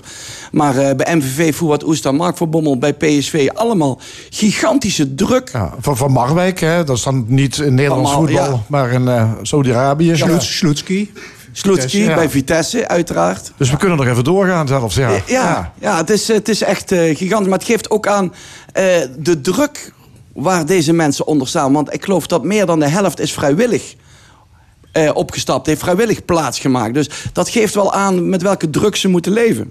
Ja, en waar, komt die druk vandaan, wat, wat jij zo kan bezien? Nou, ik vind dat een heleboel extra druk. Ik druk is er altijd als trainer. Je moet winnen. Als je niet presteert, heb je, heb je, heb je weinig vrienden. Maar eh, die is door, eh, door media en social media... eh, is die enorm gestegen de laatste tijd. Omdat steeds in het voortraject tot een trainer ontslagen wordt, is me opgevallen. Dan, dan welke media je ook pakt, dan wordt het negatieve wordt uitgelicht. Want oh, hij, hij heeft het slecht gedaan. En als hij de volgende wedstrijd verliest, zou het maar eens zo kunnen zijn dat hij eruit vliegt. En dan wordt op social media wordt dat massaal nog een, eh, en, en iets negatiever en iets eh, minder fijn eh, gezegd, zeg maar. Dan wordt dat uitgedrukt en ja, dat, dat gaat zijn eigen leven leiden. En zoals Robert Maaskant bij VVV, of het nou terecht of onterecht is, laat ik even, daar kom ik dadelijk nog wel op terug. Maar hoe hij vanaf het begin op social media en door de media dan ook eh, belicht is, dat vind ik, eh, ja, dan zet je een man zo onder druk. Dat is gigantisch. Ja, je, s- je raakt dus ook in een visueuze cirkel terecht. Hè? Ja. Kritiek en dan slecht scoren. En dat gaat maar door natuurlijk. Ja, dan heb je verder nog de invloed van het geld. Hè. Het verschil tussen eredivisie voetballen en ja, als je dan nog hoger gaat tussen Champions League of niet Champions League, wat Ajax dan ook. Maar tussen eredivisie voetballen en eh ehm, keukenkampioen divisie. Kan ook voor een club het verschil zijn tussen een bestaansrecht hebben en geen bestaansrecht hebben op dit moment het betaald voetbal. En ja, En daar, daar is die trainer is- eigenlijk, die is dan de kop van Jut. de trainer is kop van Jut, absoluut. Ja. Ja. Ja, dus- En soms, soms ook terecht, want je kan niet een hele selectie ontslaan. Als de spelers het slecht doen, dan, eh, dan moet je een verantwoordelijk hebben. Dat is eh, de trainer. Ja, wa- wa- want waarom? Waarom is het eigenlijk die trainer die ehm, ja, eruit moet als de prestaties tegenvallen? Hè? Er staan ook elf man op het veld. Nou ja, je, je wilt toch redden wat er te redden valt. En als het team eh, niet functioneert, zeker als dat in, in eh, eh, verleden jaren wel ge- eh, gefunctioneerd heeft, dan, dan moet je een wijziging eh aan. Want je kan niet een heel team ontslaan. Hè? Dat zou ook de oplossing eh, kunnen zijn. Ehm, maar ja. Je- spelers moeten wel, het, je, moet het gevoel hebben dat je het maximale uit spelers haalt. Als ik even concreet het voorbeeld pak van Maaskamp bij VVV. Waar de afgelopen jaren goed gepresteerd is. En dit jaar ging het helemaal eh, mis eh, in de competitie. Daar zijn spelers eh, presteren duidelijk aantoonbaar slechter dan vorig jaar. Nou, dat, dat heeft te maken met ze niet laten voetballen in hun kwaliteit. Kijk, waar de trainer vorig jaar, Maurice Stijn... eh, heel compact speelde en vanuit een eh, gedegen organisatie probeerde eerst de tegenstander het voetballen onmogelijk te maken en dan kijken waar zelf hun kansen lagen. Wat niet altijd spectaculair was, wat weer een kritiekpunt was. Eh, maar wat wel heel veel punten opleverde. Wou deze trainer, Maaskant, wilde... wij gaan vooruit druk zetten. Nou ja, voor de mensen die dat, die voetbalterm niet snappen... dat betekent heel snel al druk zetten op de tegenstander... waardoor je een heel groot veld krijgt... waardoor je dus ook eh, heel veel ruimte te verdedigen hebt... wat spelers ook moeten kunnen. En dat kunnen de spelers je, van VVV je noemde net Maurice Stijn. Die is trouwens ook ontslagen hè, bij Saudi-Arabië. Die was al heel snel ontslagen. Heel snel weg, ja. ja, maar ja... Maar goed, het kan natuurlijk zijn dat, dat Maaskant, dat er, laat ik zeggen, zoals dat heet, dat er geen chemie is tussen de trainer en, en, en de selectie. Ja, en je Dan verliest zes achter elkaar, wat moet je dan doen? Ja, en, en van een amateurclub, Groene Ster in, de- in dit geval, dan blijft er weinig hoop over. Hè? En dan zie je ook heel snel, nou, met Jai Driessen, die eigenlijk het verlengstuk van Maurice Stijn was in het verleden, grijpen ze gelijk terug naar compact. Ze hebben gisteren eh, verloren, maar er staat nou weer een strijdbaar team met jongens die in zichzelf geloven. En of dat uiteindelijk genoeg is, hey, dat, moet, dat moet blijken. VVV zal altijd een eh, degradatiekandidaat blijven. Ja. Maar de- dus, dus er ligt, want dat kunnen we wel concluderen, een enorme druk op trainers Ja. eh, tegenwoordig. En die zal misschien ook niet, eh, zeker niet minder worden. Ehm, wat, wat wordt er van zo'n trainer allemaal gevraagd? Want hij moet dus ook nog handig kunnen omgaan met de media, denk ik al. Dus Ja, als trainer ben je tegenwoordig people manager. Hè? Het uithangbord van de club. Je moet zich goed presenteren naar de, naar de media, naar de fans, naar de sponsors. Uiteraard naar de eigen spelers. En je moet je voorstellen, iedere speler heeft tegenwoordig een eigen BV. Het is niet alleen papa en mam die erachter er zijn zit. bedrijfjes die daar rondlopen. Het zijn echte bedrijven. Er zit een zaakwaarnemer van die speler bij. En op het moment dat de speler reserve komt... dan klopt die zaakwaarnemer s maandags bij de trainer aan. Hallo, eh, waarom staat hij van mij reserve? En eh, als hij nog een keer reserve gaat... dan ga ik kijken voor een nieuwe club. En dan moet je... Maar dat, gebeurt al bij de F, dat gebeurt al bij de F'jes tegenwoordig. ja, dat- het is echt bizar. Het is echt, echt belachelijk is dat. Ja. Ja. En, en dan heb je nog, eh, je moet er een team eh, van smeden. Dus de kracht van het individu gebruiken om het collectief eh, sterker te maken. Nou, daar, dat gedeelte vind ik dat Maaskant gefaald heeft. ja, maar, eh, maar alleen met ja. voetbalkennis kom je er niet. Je moet veel meer in je mars hebben als trainer. Nee, en je zet mensen reserve en die moet je wel competitief houden. Ja. Maurice, iets anders. Jij wil het ook hebben over de VAR. Een speciale aanleiding op dit moment dat je denkt, ik ga er eens naar kijken, Nou, balans is- opmaken? Dat is niet op dit moment. Ik erger mij daar gigantisch op al een hele tijd. Terwijl ik een van de grote voorstanders was, dacht te zijn, toen het ingevoerd werd. Het zou allemaal eerlijker worden? Juist, dat, ik denk ook, het wordt eerlijker en we krijgen geen discussies meer. Ja, nou, dat laatste zeker. Niets is minder waar. We hebben meer discussie dan ooit. Eh, wat ik zie is, scheidsrechters gaan anders fluiten. In plaats van direct in te grijpen, laten ze het lopen. Voorbeeld is bijvoorbeeld heel vaak... een heel stadion ziet dat iemand 10 meter buiten spel staat... en toch wachten ze de hele situatie af. Zijn we bijna een minuut verder om dan alsnog buiten spel... dan mag hij pas vlaggen als de situatie voorbij is. Want als hij het fout heeft, kan de VAR dat nog corrigeren. Zo wordt je... Ja, dus, denk, ja. dus, dus scheidsrechters zijn te afwachtend geworden, denk jij? Ja, absoluut. En in het stadion leidt dat gigantisch tot irritatie. Want ja, iedereen ziet dat het buitenspel is of een duidelijke... Of, nou, eh, daarbij kijkt de VAR in slow motion naar een actie. En in slow motion lijkt alles veel erger. En voetbal is een contactsport, maar in slow motion, als je daar iemand aanraakt, lijkt het... Ah, aangeraakt, dus moet bestraft worden. Twee dingen. En, eh, het is een contactsport, wat ik net zeg. Dus je mag aangeraakt worden. Is dat genoeg om iemand ten val te brengen? En twee, heel veel sluwe aanvallers, zoals ik vroeger... die zoeken zelf het been van de verdediger op. Dus dan is er contact, maar dat wil niet zeggen dat het dan be- bestraft moet worden. Eh, hooguit de andere kant op bestraft. Ja, vind je dat dan die, die VAR helemaal mislukt is? Eh, Ja, want daar zitten mensen die die VAR moeten doen... die zelf nooit op niveau gevoetbald hebben... eh, of op niveau gefloten hebben. Dus daar mogen ze eens mee beginnen. en ik denk, als je... eh, voetbal is eh, emotie. En door die VAR, als er een doelpunt gemaakt wordt... moet je dus eerst eh, anderhalve minuut wachten... tot de VAR gekeken heeft of het geldig was je maakt de totale emotie in een stadion maak je, maak je kapot. En eh, ja, dan wil ik eigenlijk aanhaken bij de vorige sprekers. eh, regels voor robots hoorde ik, eh, hoorde ik net. Als wij zo doorgaan met, met de technische ontwikkelingen in, in het voetbal... op kunstgras. We, we hebben al clubs die een, gesloten dak hebben. De VAR. Eh, we, we werken in het voetbal al op de trainingen met een virtual reality bril. Om spelers terug in de situaties eh, te brengen wat ze fout hebben gedaan. Eh, ik zeg nog even, dan krijgt die, die, die, die trainers die krijgen een joystick langs de kant. Dak is dicht, het kunstgras, de VAR erbij.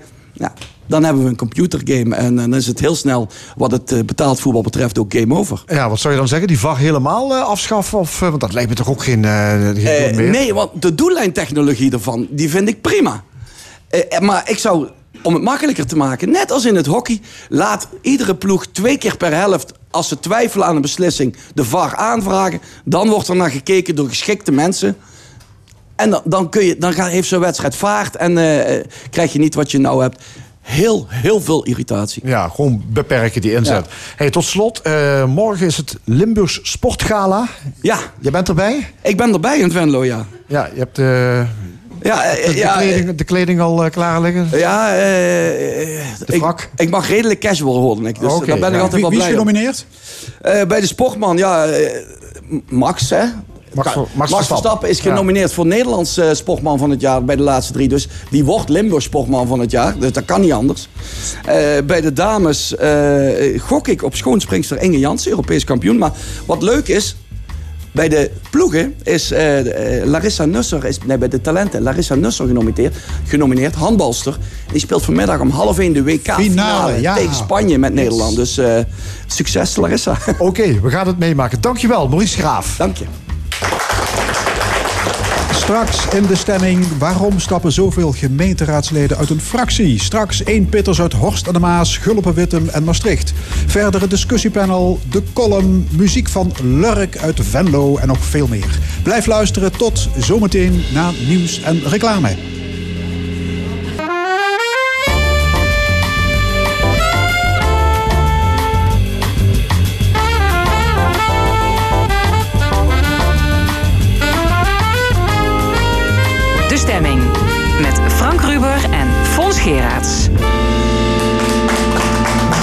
Opnieuw welkom bij De Stemming, het interview- en discussieprogramma van L1 Radio vanuit Café Forum in Maastricht. En wat allemaal nog in dit tweede en laatste uur. Straks discussieert het panel met Terza Hoebe, Cor Bosman en Loek Hustings over beverschade, de Green Deal en andere actuele zaken. Een column van Rezi Koumans, muziek van Lurk, maar eerst afsplitsers, zetelrovers en eenpitters. En dan hebben we het over de gemeenteraad. Ook in deze periode zijn er weer de nodige raadsleden uit hun fractie gestapt, meestal vanwege oneenigheid. Dan kun je ofwel je zetel teruggeven, je aansluiten bij een andere fractie of doorgaan als eenpitter. Wat is het meest zuivere? En heeft een eenmansfractie iets in de melk te brokkelen? Aan tafel de afgesplitste raadsleden Ineke van der Laan uit Gulpen-Wittem, Thijs Lenze uit Horst aan de Maas en Jos Schorre uit Maastricht. Hartelijk welkom, alle drie. Eh, mevrouw van der Laan, in oktober bent u in Gulpen-Wittem uit de fractie PRO gestapt. Waarom is dat gebeurd? Ehm, ja, misschien moet ik even vertellen dat PRO nog een hele jonge partij is. Eh, PRO is een, Progressieve eh, partij ook. een progressieve partij, eh, sociaal, groen. Een samenvoeging van eh, D66, PvdA, een aantal onafhankelijke mensen, waaronder ik zelf. Eh, we zijn vlak voor de verkiezingen zijn we opgericht. Ik heb zelf ook dus aan de wieg gestaan. Ik heb ook meegeschreven aan het coalitieakkoord. En eh, het ging eigenlijk eh, redelijk goed. Totdat er een eh, voorstel op tafel kwam in de raad. Waar ik eigenlijk al van het begin af aan niet mee kon Ja, instemmen. dat was het voorstel om het ambtenarenapparaat in de gemeente met 20% te laten groeien. Precies. Ja, u, u- de fractie was daar voor, u was daar moordicus tegen. Dat was het breekpunt? voor mij was dat uiteindelijk het breekpunt. Althans, ehm, ik had gehoopt eh, dat wij, omdat Pro een progressieve partij was, bestaande uit zoveel verschillende. eh, of zo'n soort pluimage van verschillende eh, mensen uit verschillende partijen. Ik had gehoopt dat er binnen de partij ruimte was voor eh, verschillende meningen. Maar goed, in de partij bleek- ja, moet, je, moet je af en toe compromissen sluiten. Het is een beetje wielen en dealen. De ene keer... Precies, en dat heb ik ook geprobeerd. Het punt was dat ik zelf het gevoel heb gekregen dat ik eigenlijk niet mijn, mening, eh, mijn vrije mening kon eh, verkondigen. En eh, ja, ik wilde graag over de inhoud van het plan praten, maar omdat het over een personele verandering ging, werd er al snel gezegd: daar gaat de politiek niet over. We gaan wel over het geld. Mijn punt was van als ik zoveel geld moet gaan, een besluit moet nemen over zoveel geld, dan wil ik weten of ik het aan een, gewone stoeptegel geef of aan een diamanten stoeptegel. Afijn. ehm, het werd eigenlijk al vrij snel duidelijk dat ik niet eh, mijn, eh, mijn eigen mening daarin ja, kon dus verkondigen. de partijendiscipline begon wat, wat te zeer te knellen. Maar uw partij zit in het college, hè, samen met Balans. Er ligt een coalitieakkoord. Daar heeft u vorig jaar, neem ik aan, mee ingestemd. Ja. Eh, en, en toch zegt u, mijn geweten zegt dat ik nu moet, moet kappen met, met mijn eigen club. Ja, ik, ik, ehm, ik, ik kon me niet vinden in het feit dat ik niet eh, mijn eigen stem mocht uitbrengen. Die dus anders was dan eh, de rest. En daar heb ik mijn consequenties uitgetrokken. Maar dat betekent niet dat ik niet eh, het coalitieakkoord nog ondersteun. Want dat doe ik nog wel degelijk. Dat heb ik ook duidelijk gemaakt. Dat eigenlijk, ik sta nog steeds achter deze coalitie. Ja. Thijs Lensen, u maakte deel uit van de SP-fractie in Horst en de Maas. Ik moet zeggen maakte, want gaande de rit bent u overgelopen naar de combi van GroenLinks en D66. Waarom? Nou goed, eh, sinds ongeveer een jaar eh, geleden deden zich allerlei ontwikkelingen voor, zowel landelijk, provinciaal als ook lokaal. Waardoor uiteindelijk eh, de richting dat, waarin de SP zich in bewegen was, een richting was die steeds minder bij mij paste. Het ging steeds meer terug naar de, de oude aanpak die de SP kenmerkt, het heel dogmatische, weinig pragmatisch. En dat ging steeds meer botsen. En eh, dat leidde tot een proces waarbij ik eh, over na ga denken: wat doe ik hiermee? Blijf ik doorgaan? Of splits ik mee af? Of stop ik daarmee? En uiteindelijk heeft het geleid tot het stoppen met de SP en Ja. over te stappen naar D66 GroenLinks. Ja, opvallend is dat op veel plaatsen SP'ers zijn opgestapt in Limburg. Hè? Niet Ja. alleen in Horst en de Maas, maar ook in Venray, in Weert, in Sittard-Geleen, in Maastricht. Ja, dit lijkt op collectieve muiterij.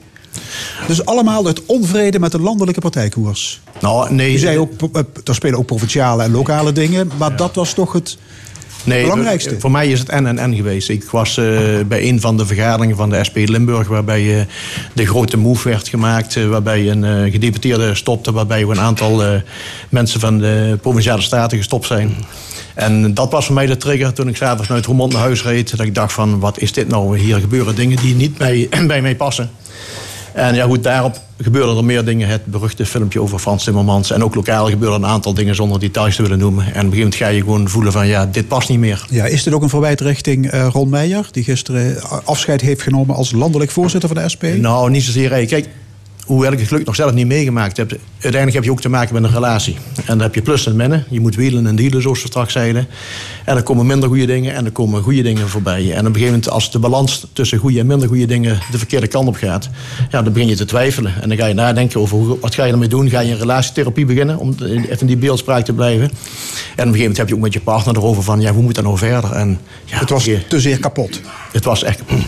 Ja, u maakt nu deel uit van de vijfmansfractie van GroenLinks D66. Jullie zitten in het college van BMW. Ja. Is eh, meebesturen prettiger dan oppositie voeren? Eh, het is in zoverre prettiger dat je meer aan het stuur zit dan in de oppositie. Het betekent wel dat je je rol die je jarenlang hebt gehad... eh, toch duidelijk anders moet maken. Waarbij je in het verleden als oppositiepartij heel duidelijk kritisch bent naar de coalitie toe. Ook dingen aanpakt, afbreekt. Moet je nu veel constructiever gaan denken. En ook je punten gaan pakken waar je wel al kunt scoren... en waar het dus gewoon een accepteren is van dat wat afgesproken is. Ja, dus dat... En die verandering is een eh, behoorlijk forse geweest. En nou, ondertussen loopt dat wel, maar in het begin was dat wel even binnen. Derde aan tafel is Jos Gorren uit Maastricht. Uh, u heeft in de vorige periode de CDA-fractie vaarwel gezegd. Waarom heeft u dat gedaan? Nou, we hebben lang van tevoren hebben, heeft de CDA-fractie met elkaar gesproken over allerlei zaken. En een belangrijk iets is dat uh, ja, niet te veel termijnen bij, uh, in de politiek eigenlijk zou moeten zitten, zei het CDA. Vier termijnen bij het CDA vonden zij uh, aan de ruime kant. Ik zou dan mijn vijfde termijn ingaan. En wij hadden zoiets uh, 2014 zijn we die nieuwe fractie gestart. En 2016 heb ik aangegeven dat ik hun voor de tijd zou gaan verlaten. Om mijn opvolgers de kans te geven ook in de politiek te gaan. Om vernieuwing te krijgen, om verjonging te krijgen. Dat vond ik erg belangrijk. We zijn dus, ik zeg eerlijk, zonder rancune uit elkaar gegaan. We zijn nog steeds vrienden van elkaar. We komen bij elkaar over de vloer. En we vinden het ontzettend fijn om samen de politiek te bedrijven. Ja, u bent toen niet als één pitter doorgegaan. Nee. U heeft keurig uw zetel teruggegeven. Ja, ik heb dat, dat is wel zo netjes. Ja, ik vond dat op dat moment netjes. Ik ben daar eerlijk in. Ik heb de zetel toen uh, heel netjes teruggegeven. En uh, aan uh, mijn opvolger Matt Brul, een fantastische vent, de kans te geven om eerder dan de verkiezingen in die raad te gaan, gaan zitten. Om ook ervaring op te doen. Dat vond ik belangrijker. Maar ik moet er ook eerlijk in zijn. Ik had de tijd ook nodig om een nieuwe partij op te richten. Ja, dat heeft u gedaan. U, en toen heeft u meegedaan aan de verkiezing van 2018. Ja. Met de sociaal actieve burgerpartij. Ja, de sociaal actieve ja, burgerpartij. sociaal actief. Staat u ja. links van het CDA? Uh, nee, kijk, het CDA heeft altijd in het midden gestaan. En uh, ik, rijk, ik rijk een beetje naar rechts, ik rijk ook een beetje naar links. En ik ben heel eerlijk, ik heb het coalitieprogramma, heb ik, uh, ben ik mee akkoord gegaan. Maar SAP is geen oppositie, SAP is geen coalitie. SAP kijkt wat het beste is voor de burgers van Maastricht. Ja, maar u heeft één zetel behaald, was dat een tegenvaller? nee, het was, nou ja, het was eigenlijk wel een beetje een Nee, ja. Nou, het was eigenlijk wel een beetje een tegenvaller. Kijk, we hadden 1481 stemmen. We waren net uh, drie maanden bezig. Op tijd van drie maanden heb ik een programma in elkaar moeten zetten. Ik heb een, een, een, partijprogramma, een verkiezingsprogramma. Ik heb de leden moeten werven. Er is ontzettend veel werk geweest op tijd van drie maanden. En als je dan bijna één, drie kwart zetel haalt, dan, dan ben ik dik tevreden. Voelt u zich als lokale partij vrijer? Ja. Want u, u, bent verlost van die landelijke partijprincipes. Ja, ik wil, niet, ik wil niet echt zeggen dat ik verlost ben van de gedachten van het CDA. Dat is helemaal niet waar. Maar ik voel me wel vrijer om nou te kunnen handelen. Uh, laten we zo zeggen, ik kan nou meer mijn eigen idee in de praktijk brengen. En hoef niet constant te voldoen aan die fractiediscipline. En dat is prettig. Ja, het kan ook leiden heel makkelijk tot opportunisme en, en zigzagbeleid. Ja, daar moet je natuurlijk mee opletten. Je moet een, een vast beleid uh, voor ogen houden. En dat u heeft ik... geen achterban. U kunt doen en laten wat u wilt. Nou, we hebben geen achterban. Er zijn toch... Uh... Nou weten de burgers waar u voor staat? Nou, de burgers die het partijprogramma hebben gelezen, die, die zullen dat zeker weten. Die ja, leest toch niemand moeten... meer? Nou, moet je je niet in vergissen. Ik kreeg laatst nog een opmerking van iemand uit Meersen. Die had zelfs het verkiezingsprogramma van SAP gelezen. Dat wilde ik al iets zeggen. Al ging dat over een onderwerp waar we lijnrecht tegenover elkaar staan. Ineke van der Laan van Pro Gulpen Wittem. Uh, bent u een zetelrover? Nee. Uh, dat is me wel verweten. Uh, maar ik vind dat ik geen zetelrover ben. Maar waarom geeft u de zetel niet terug aan uw partij? Uh, dat weet ik. Ik weet nog niet wat ik met mijn zetel ga doen. Het punt is dat het dus bij mij natuurlijk pas heel recent is gebeurd. En ik heb gezegd, ik wil de komende periode gebruiken om uh, te onderzoeken wat, wat voor mij de beste manier is om toch mijn idealen uh, te verwezenlijken. En dat kan zijn dat ik hem teruggeef. Het kan ook zijn dat ik naar de coalitiepartner ga. Het kan ook zijn dat ik zelf. Uh, dat u helemaal stopt? Uh, nou, liever niet eigenlijk. Nee. Maar. Um, nou, wanneer, heb, wanneer, neemt u de beslissing? Nou, ik um, had me voorgenomen om dat in januari te doen. Maar ik heb nou toch de neiging om nog iets uit te stellen. Ja, maar als ik nu met de pistool op de borst. U moet nu kiezen. Um, ja. Dan denk ik dat ik toch kies voor mezelf nu. Want ik heb net als meneer Gorre. Uh, Jos. Jos, Jos Gorre, ja. Jos Gorre zei. Ik heb op dit moment een, een tamelijk onafhankelijk gevoel. Nee, Oké, okay, maar, maar de partij heeft u die zetel bezorgd. En, en Eh, u bent er niet mee eens, u stapt eruit, maar u geeft de zetel niet terug. Dan ben je toch een zetelrover? Eh, Nou, ik, ik, daar wil ik er even in helpen, want dat hoeft niet altijd te zijn. Je hoeft geen zetelrover te zijn. Als mevrouw haar zetel heeft gehaald en ze heeft haar stemmen gehaald die daarvoor staan om die zetel te kunnen hebben. Bent u gekozen met voorkeurstemmen? Nee, nee. Nee. Maar kijk, ik, ik, heb, eh, kijk, ik vind, ik ben van mening dat wij, die partij, die hebben we met een hele grote groep mensen opgericht. Dat hebben we samen gedaan. Dus het is een, een best wel een redelijk grote groep. Ja. Ik heb een eh, behoorlijke eh, bijdrage geleverd aan, het, eh, aan wat het nu is. En voor mij is het nog steeds zo dat ik dus eigenlijk achter de principes sta en achter de ideologie. Ik vind alleen dat ik misschien nog net een tandje meer geef van die hele pro-ideologie. en ehm, ja, ik zie mezelf een beetje. Klinkt misschien een beetje arrogant, maar ik zou willen zeggen dat ik een beetje pro 2.0 eh, ben. En ik Pro wil ze eigenlijk 2.0. graag een beetje scherp houden in de dingen die ze zouden moeten ja. doen. In de Raad Gulpen-Witten was de verhouding 8 coalitie, 7 oppositie. Door de breuk heeft u de boel op scherp gezet. Het is nu 7-7 en u heeft de beslissende stem. Ja, Hoe voelt dat? z- eh, zwaar. En, eh, Ineke van der Laan, rule Schulpen-Wittem. Ja, zo zou je het kunnen zien. Maar ehm, kijk, ik ben natuurlijk, dat heb ik net ook al gezegd... Dat het, ik hoop dat dat ook duidelijk is dat ik in principe de coalitie ondersteun. Eh, er is mij ook gevraagd deze week of ik het coalitieakkoord mee wil, nog alsnog mee wil ondertekenen. Dan zouden we dus dan drie coalitiepartijen hebben. Alleen het is niet meer, vier, eh, niet meer 5-3, maar het is eh 4-1-3.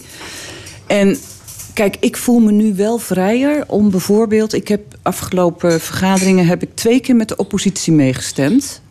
En dat vind ik het mooie van mijn positie nu. Dat ik nu echt voor de inhoud kan gaan. Ja, en Maar dat zal u door pro niet in dank worden afgenomen. Ehm, ik heb het, het voorstel wat, waar ik meegestemd heb met de oppositie... dat heb ik gezien als een voorstel wat precies paste binnen ons coalitieakkoord. Ja. Thijs Lensen, eh, heeft u erover nagedacht om na de breuk met de SP... een eigen lokale partij te beginnen in, eh in, in Horst de Maas? Ik heb erover nagedacht, maar dat was vrij snel duidelijk dat ik dat niet ging doen. De hoeveelheid tijd en werk die je eraan moet spenderen, eh, die gaat ten koste van andere dingen. En ik wilde gewoon per se doorgaan uiteindelijk. En die energie die wil ik vooral gebruiken om mijn nieuwe rol in te vullen. Ja, bent u ook geen voorstander van versnippering? Vind ik een hele moeilijke. Er valt wat voor te zeggen om het toe te staan, omdat het gewoon het opperste vorm is van democratie. Van de andere kant eh, merk je wel op diverse plaatsen dat dat niet echt tot een daadkrachtig bestuur leidt. Dus ik, ik twijfel daar Ja, een beetje over. Ik durf er geen duidelijke uitspraak over te doen. Wat zijn de grote issues in Horst en de Maas? In Oost en de Maas zijn de grote issues eh, de hele discussie rondom intensieve veehouderij. De hele verhaal rondom stikstof met een eh, hele sterke CDA-fractie van 10 op de 27. Eh, de, het accommodatiebeleid waarbij eh, een zwembad verplaatst eh, gaat worden of moet gaan worden. Eh, waar wij als D66 GroenLinks niet voor zijn, maar uiteindelijk wel een coalitieakkoord voor getekend hebben. Dus eh, ja, er zitten wat spanningsvelden. Maar goed, dat maakt het ook leuk. Jos Gorre, in Maastricht heb je 39 zetels. Ja. Verdeeld over 15 fracties, waaronder zes eenmansfracties. Ja. Nou, dat is lekker democratisch, maar schieten de burgers daar veel mee op? Ja, ja zeker. Eh, ik zie dat namelijk niet als een probleem. Ehm, ik heb eh, eh, vanochtend heel vroeg in de ochtend, ik denk het was drie uur, heb ik nog liggen te tellen hoeveel fracties dat wij nou eigenlijk hebben. En eh, ik zat er even. Zit u s'nachts om drie uur in uw bed de, Ja, de fracties ja, te tellen? Nou, dat heb ik wel vaker. Ik, ik vind de ochtend vind ik heel erg prettig. Meestal ben ik om vijf uur wakker om de stukken na te kijken en allerlei dingen af te handelen. Dat vind ik prettiger vaak als de avond. Eh, maar ik bedoel, eh, de, de burger komt in Maastricht wat dat betreft niets tekort. Waar we wel voor moeten waken, en dat is de discussie, als ik even mag, die we pas nog hebben gevoerd. Door de afsplitsers is het dus financieel voor de gemeente is het een vrij zware taak. Wij hebben in Maastricht eh, 170.000 euro openstaan voor al die fracties. En iedere fractie bij ons krijgt zijn fractiegelden. Dat is een vast deel aan 6500 euro. En dat is het deel per raadslid en dat is 2500 euro. Dat is kassa. Dat is kassa. Maar je hebt ze wel nodig. Daar ben ik heel eerlijk in. En wat je niet nodig hebt, geef je terug. Wij hebben ze niet, als SAP niet allemaal nodig, dus daar zal een gedeelte teruggaan. Maar je moet natuurlijk wel kijken, als partijen zich afsplitsen, hebben die ook recht op dat bedrag. Het eerste jaar niet, dan moeten ze het delen met de partij waar ze vandaan komen. Maar het tweede, derde en vierde jaar krijgen ze de volle vergoeding. En dat is natuurlijk het gevaarlijke. Maar als je daar tegenover ziet wat ze in Den Haag doen, Jette met D66, die daar even 5 miljoen bij vragen om de fracties van meer geld te voorzien, dan denk ik van ja, we zijn daar goed bezig en dan zouden we in de, in de, in de, in de, in de eh, eh, lokale politiek heel erg zuinig daarmee omgaan. Geef het geld wat je nodig hebt en wat je niet nodig hebt, stort dat terug, want het is geld van de burger, zeg ik. En dat is niet van de partij. Oké, helder. Afsplitsingen worden meestal veroorzaakt door frictie, door oneenigheid, door ruzie. Komt dat misschien door de bezuinigingen? Waardoor ja, gemeenten toch scherpere keuzes moeten maken, waardoor het misschien ideologisch sneller gaat botsen?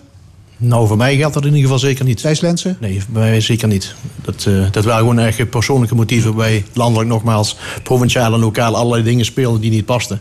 En ja, goed, de bezuiniging is even een gegeven. Maar het is vooral de kunst om door middel van de discussie over nut en noodzaak uiteindelijk de goede keuzes te maken. Dat is waar het over moet gaan volgens mij. Iemand anders? Ja, nee, ik, ik, ik vind dat ook niet. eh, Dus het heeft eh, niets met die bezuinigingen te maken. Kijk, als je splitst, kan het zijn dat je je met je eh, partij waar je al die jaren bij gezeten hebt. En dat is bij mij bij het CDA 18 jaar geweest. Maar ik voel me daar nog altijd thuis. En ik, ik vind het ook nog altijd een geweldige partij. En ik ben absoluut niet CDA light als sap. Bent u nog altijd lid? Ja, ik ben nog altijd lid. Ja, ja, ik wil zeker weten wat ze uitspoken. Als, eh, en dat kan voor mij altijd van nut zijn. Zou het kunnen dat de drempel om je af te splitsen, dat die lager is geworden? Hij bedoel, ieder aspirant gemeenteraadslid die wordt met open ontv- armen ontvangen tegenwoordig. Die wordt ook meteen op een verkiesbare plek gezet. Dan is de verbondenheid met je partij niet heel erg groot. Begrijpen jullie wat ik bedoel? Ja, ik, ik, ik kan daar heel weinig over zeggen. Omdat ja, ik, ik ben niet afgesplitst uit onvrede. Ik ben afgesplitst omdat eh, ik zelf vond dat mijn tijd bij het CDA daar, eh, daarop zat.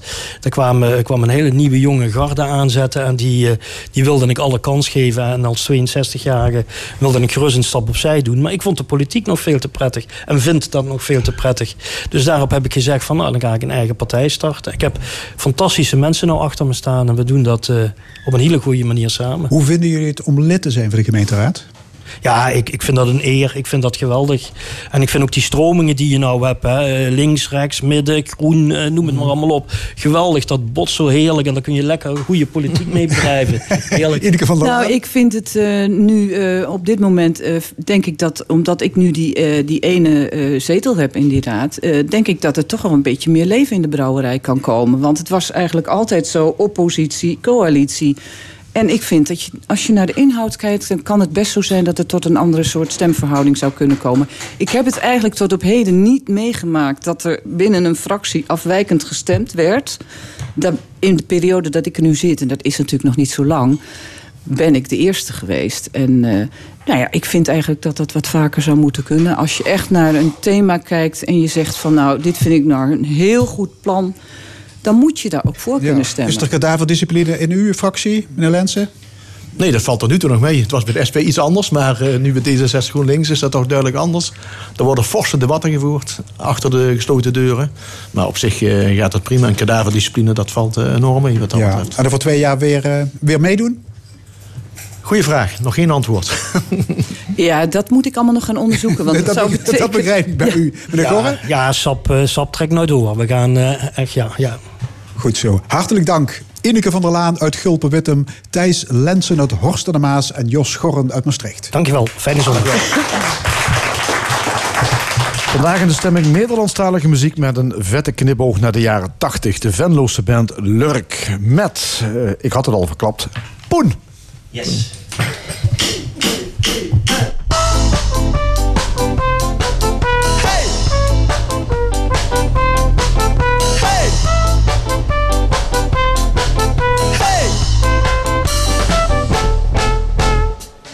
Geen drankje hier, geen hapje daar. Geen centen makken, niks voor elkaar.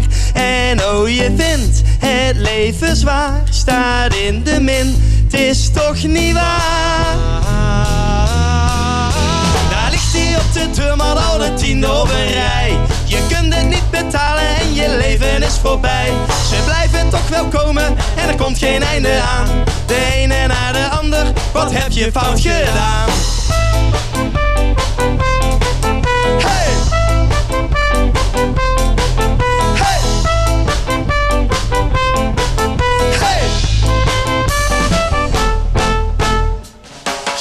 Drankje hier, geen hapje daar. Geen centen makken, niks voor elkaar. En oh, je vindt het leven zwaar, staat in de min. Het is toch niet waar? Daar ligt hij op de deur, maar al de tien op. Je kunt het niet betalen en je leven is voorbij. Ze blijven toch wel komen en er komt geen einde aan. De ene naar de ander, wat heb je fout gedaan?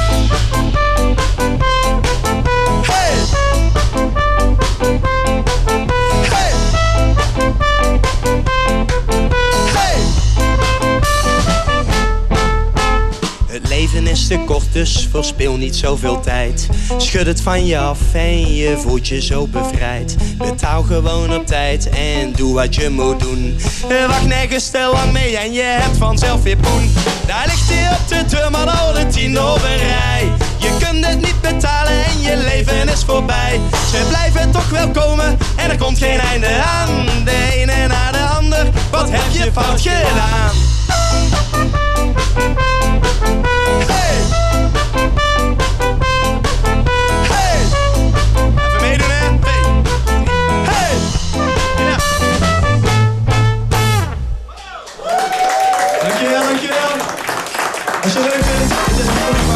De column.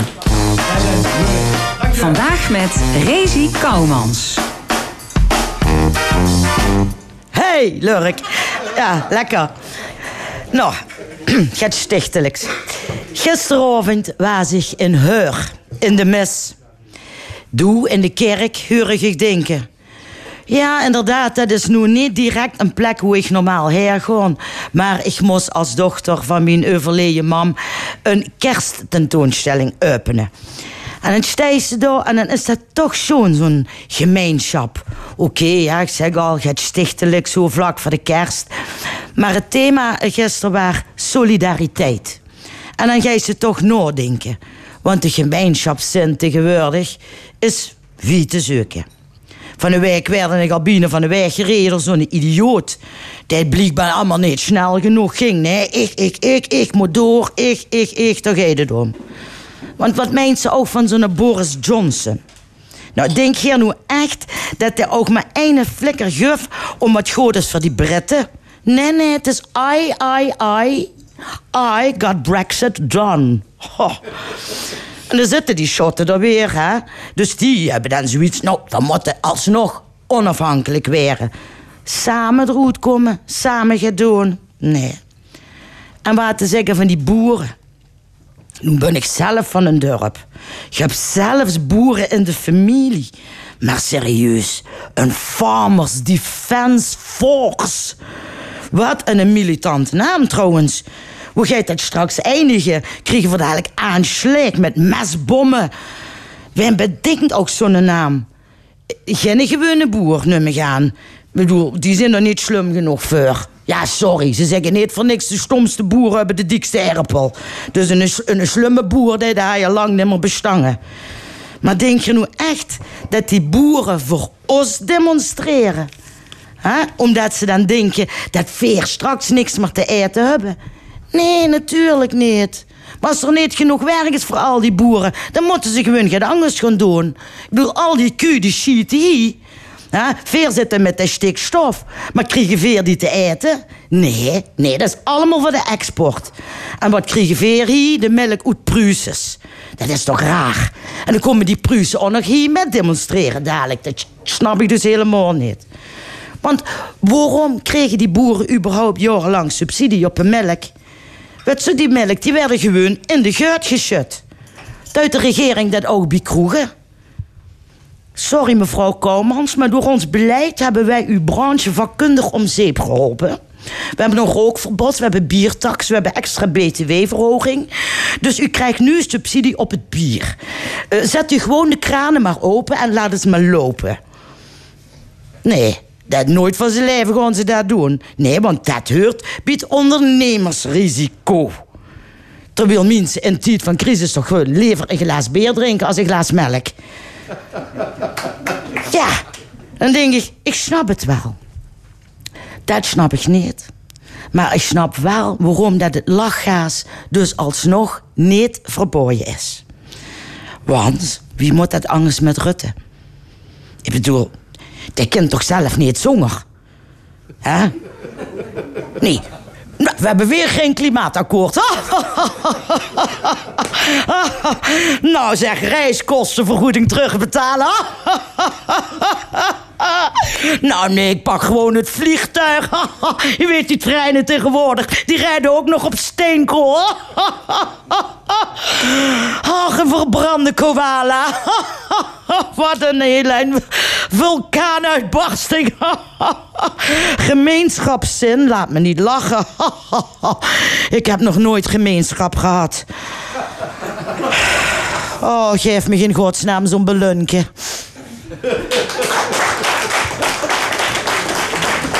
De column van comedienne en kastelein Rezi Komans. Laatste onderdeel van de stemming van L1 Radio is het discussiepanel. Ik heet van harte welkom Terza Hoeben, voor, vicevoorzitter van de Rode Vrouwen in de PvdA, ondernemer Cor Bosman en communicatieadviseur Loek Hustings. Ja, het is ongetwijfeld het meest ambitieuze plan ooit van Europa. De Green Deal, die deze week door de Europese Commissie is gepresenteerd. Het plan moet Europa klimaatneutraal maken in 2050. En daarvoor moet ze wat alles op de schop. Um, zijn jullie onder de indruk van dit plan? Het gaat uh, ook nog uit van onze eigen eurocommissaris Frans Timmermans. Teresa, nou ja, het, het, het, is, het zijn natuurlijk hele mooie woorden en hele mooie daden die ze erbij willen gaan stellen. En uh, natuurlijk iemand die uh, duurzaamheid en uh, met name ook het energie-neutraal maken van deze wereld, ben ik hier een heel erg blij mee. Maar je hoort me wel heel erg een.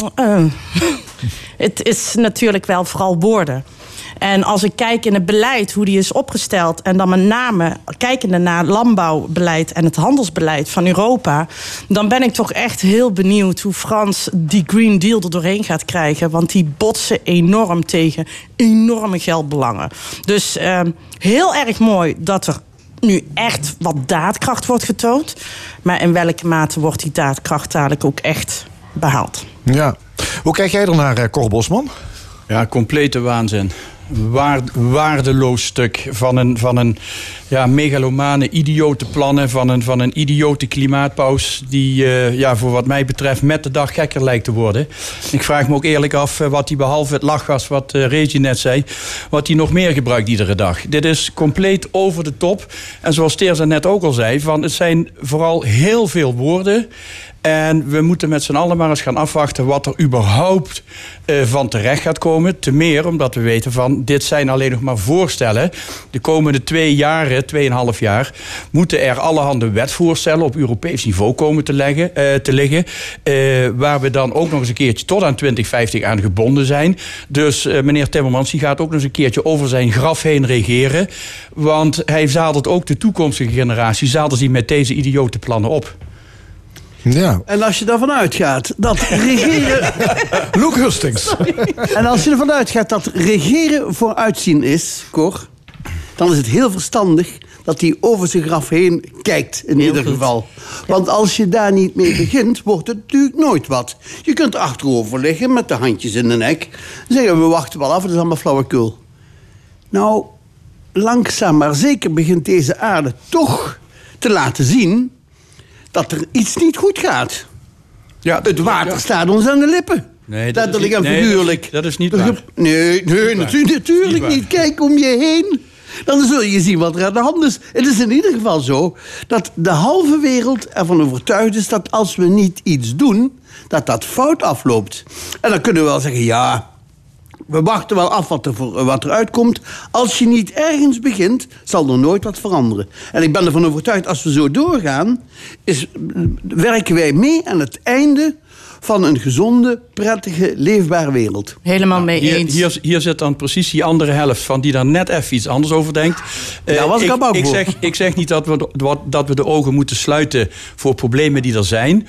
Maar als je dan uh, in de positie bent, zoals een Frans Timmermans in de positie is om er iets aan te doen, doe het dan wel met realisme. Doe het niet alsof je eh, eh, eh, een halve kerstboom en hennenplanten hebt op, opgerookt. En als ik dan ook nog een keer zijn baas, Ursula von der Leyen, hoor zeggen van... eh, ehm, eh, we hebben heel veel open eindes, maar we willen... Met de ambitie willen we in de hele wereld voorop lopen. Maar we weten nog niet hoe we het gaan doen. Maar zo werkt het wel, hè? Nee, zo werkt het niet, jongens. Jawel, Zo helaas werkt het wel. niet. Kijk, wij weten. Kijk, ja. weet je wat ik heel belangrijk vind in deze discussie? Ik, eh, vijf jaar geleden schreeuwde ik ook, eh, net zoals een Greta, het moet nu, het moet vandaag, het moet echt anders. Waar zijn we in godsnaam mee bezig? Maar in die afgelopen jaren dat ik hier en in de politiek, maar ook daarbuiten eh, mee bezig ben, be- ben ik gewoon tot de conclusie gekomen: mensen gaan pas veranderen en zijn bereid te veranderen als het water tot de lippen staat. En de politiek die kan wel heel erg agressief gaan inzetten, maar ook zij zullen gewoon stapje voor stapje en dan vooral inderdaad eerst met woorden, dan met steeds meer daden, dan met- met meer duidelijkheid. Gaat niet Ja. zo snel als ik had gehoopt, Maar- maar, we moeten wel ergens beginnen. Maar als we het dan toch over woorden hebben, dan wil ik heel even eh, een partijgenoot van meneer Timmermans, eh Weile Joop den Uil. Die heeft hier in Zuid-Limburg heeft hij ook met hele mooie woorden, heeft hij 50 jaar geleden heeft hij voor een gigantische economische ramp gezorgd. Om te beloven dat de mijnsluiting met geen één gedwongen eh, verloren arbeidsplek zou gaan. Vier jaar na die, na die historische woorden stonden er 75.000 man op straat. Dus ook, het, ook wat meneer Timmermans nu zegt, het is niet de bedoeling om de meeste kwetsbaren de dupe te laten worden van deze Green Deal. Bijvoorbeeld de Poolse mijnwerkers die eh, door de sluiting van die mijnen ook op straat komen te staan. Ik hecht daar geen waarde aan en die Poolse mijnwerkers nog veel minder. Maar weet je, als je nou eens eh, gewoon. eh, laten we de, de- de, de waarheid in het midden zoeken. Een beetje dichter bij huis gaat kijken. Het is toch te belachelijk, hè? Dat wij in een vliegtuig stappen om van Amsterdam naar Brussel te gaan.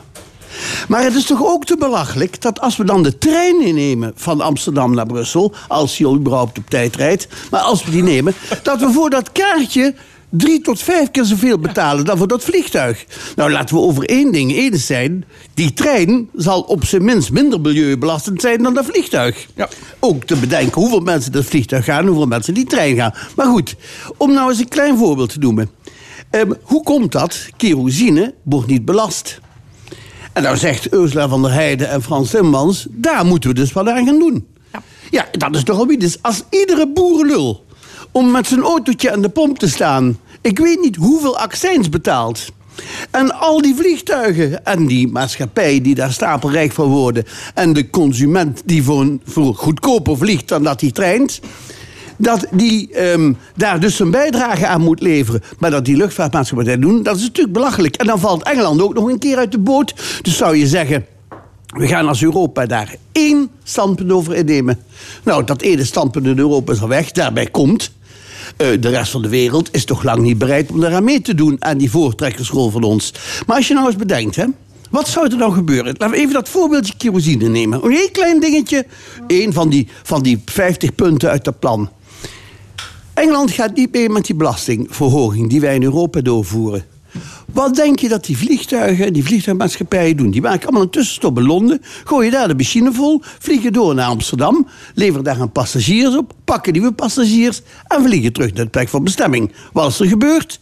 De belasting is ontweken in Engeland en eh, ze vliegen even vrolijk en even goedkoop verder. Nou, wie is dan geholpen? Niemand. Dus om samen sterk te zijn in dit gevecht tegen een beter milieu, milieu, dat vind ik een sterke zaak. Ik vind dat goed. Ik vind het belangrijk dat men daar nu mee bezig is. Politiek draagvlak is echt wel heel belangrijk Ja. door meerdere De- de- de- partijen. de En de jeugd zeker, hè? Ja. Het, het lijkt toch of de urgentie wel gevoeld wordt in Europa. Want behalve Polen krijgt het plan van Timmermans brede steun. Ja.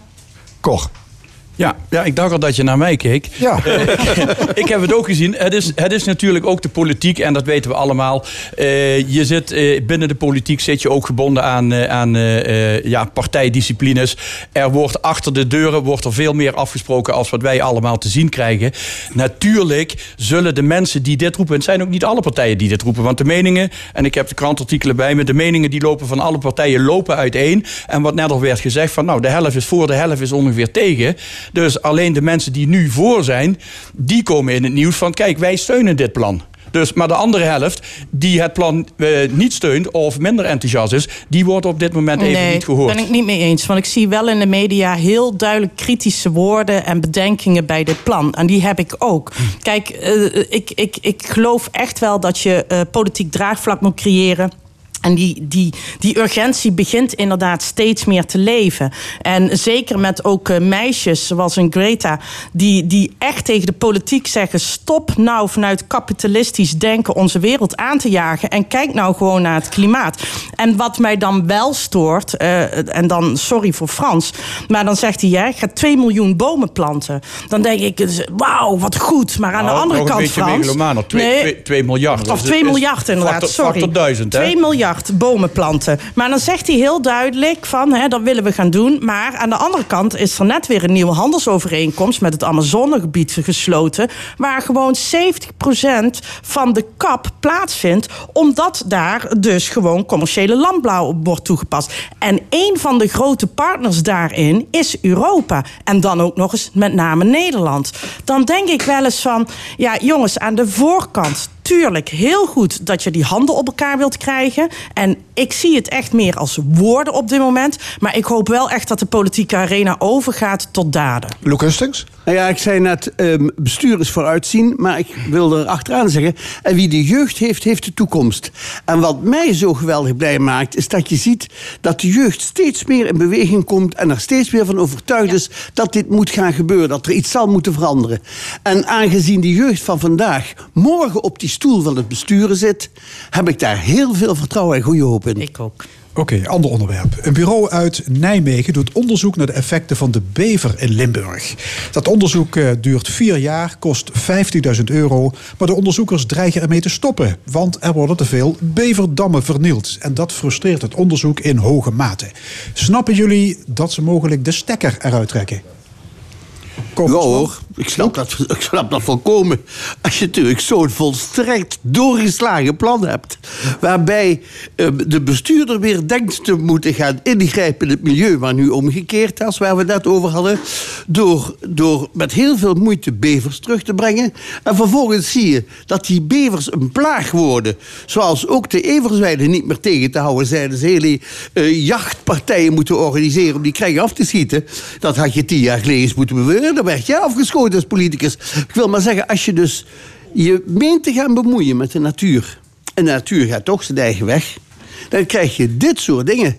En dat is dus, ik vind dat een volslagen doorgeslagen beleid. En als je dan vaststelt dat dat tot rampspoed leidt... dan moet je zeggen, jongens, we hebben ons vergist. Sorry. Eh, Strek er eruit, ophouden ermee. Nou ja, weet je wat mij helemaal opvalt in dit stuk? Eh, kijk, de bevers zijn eh, ooit hier uit zichzelf teruggekomen. Ter ondersteuning hebben we toen 500 extra bevers eh, neergezet. En wij hadden de illusie inderdaad dat ze zich gingen vestigen daar waar wij dachten. Ja, not. Dus die nemen hun eigen territorium. En dat weet je. Ze zorgen voor hun eigen omgeving, waardoor de, de hele omgeving verandert. Dat wist de provincie. Wat me wel verbaasd heeft, is dat ze overgegaan zijn tot het afschieten van en het afbreken van beverburgten. Terwijl zij totaal niet wisten wat de werkelijke impact van deze diertjes nou is op dat klimaat. Kijk. Een van de belangrijkste factoren was voor het afschieten...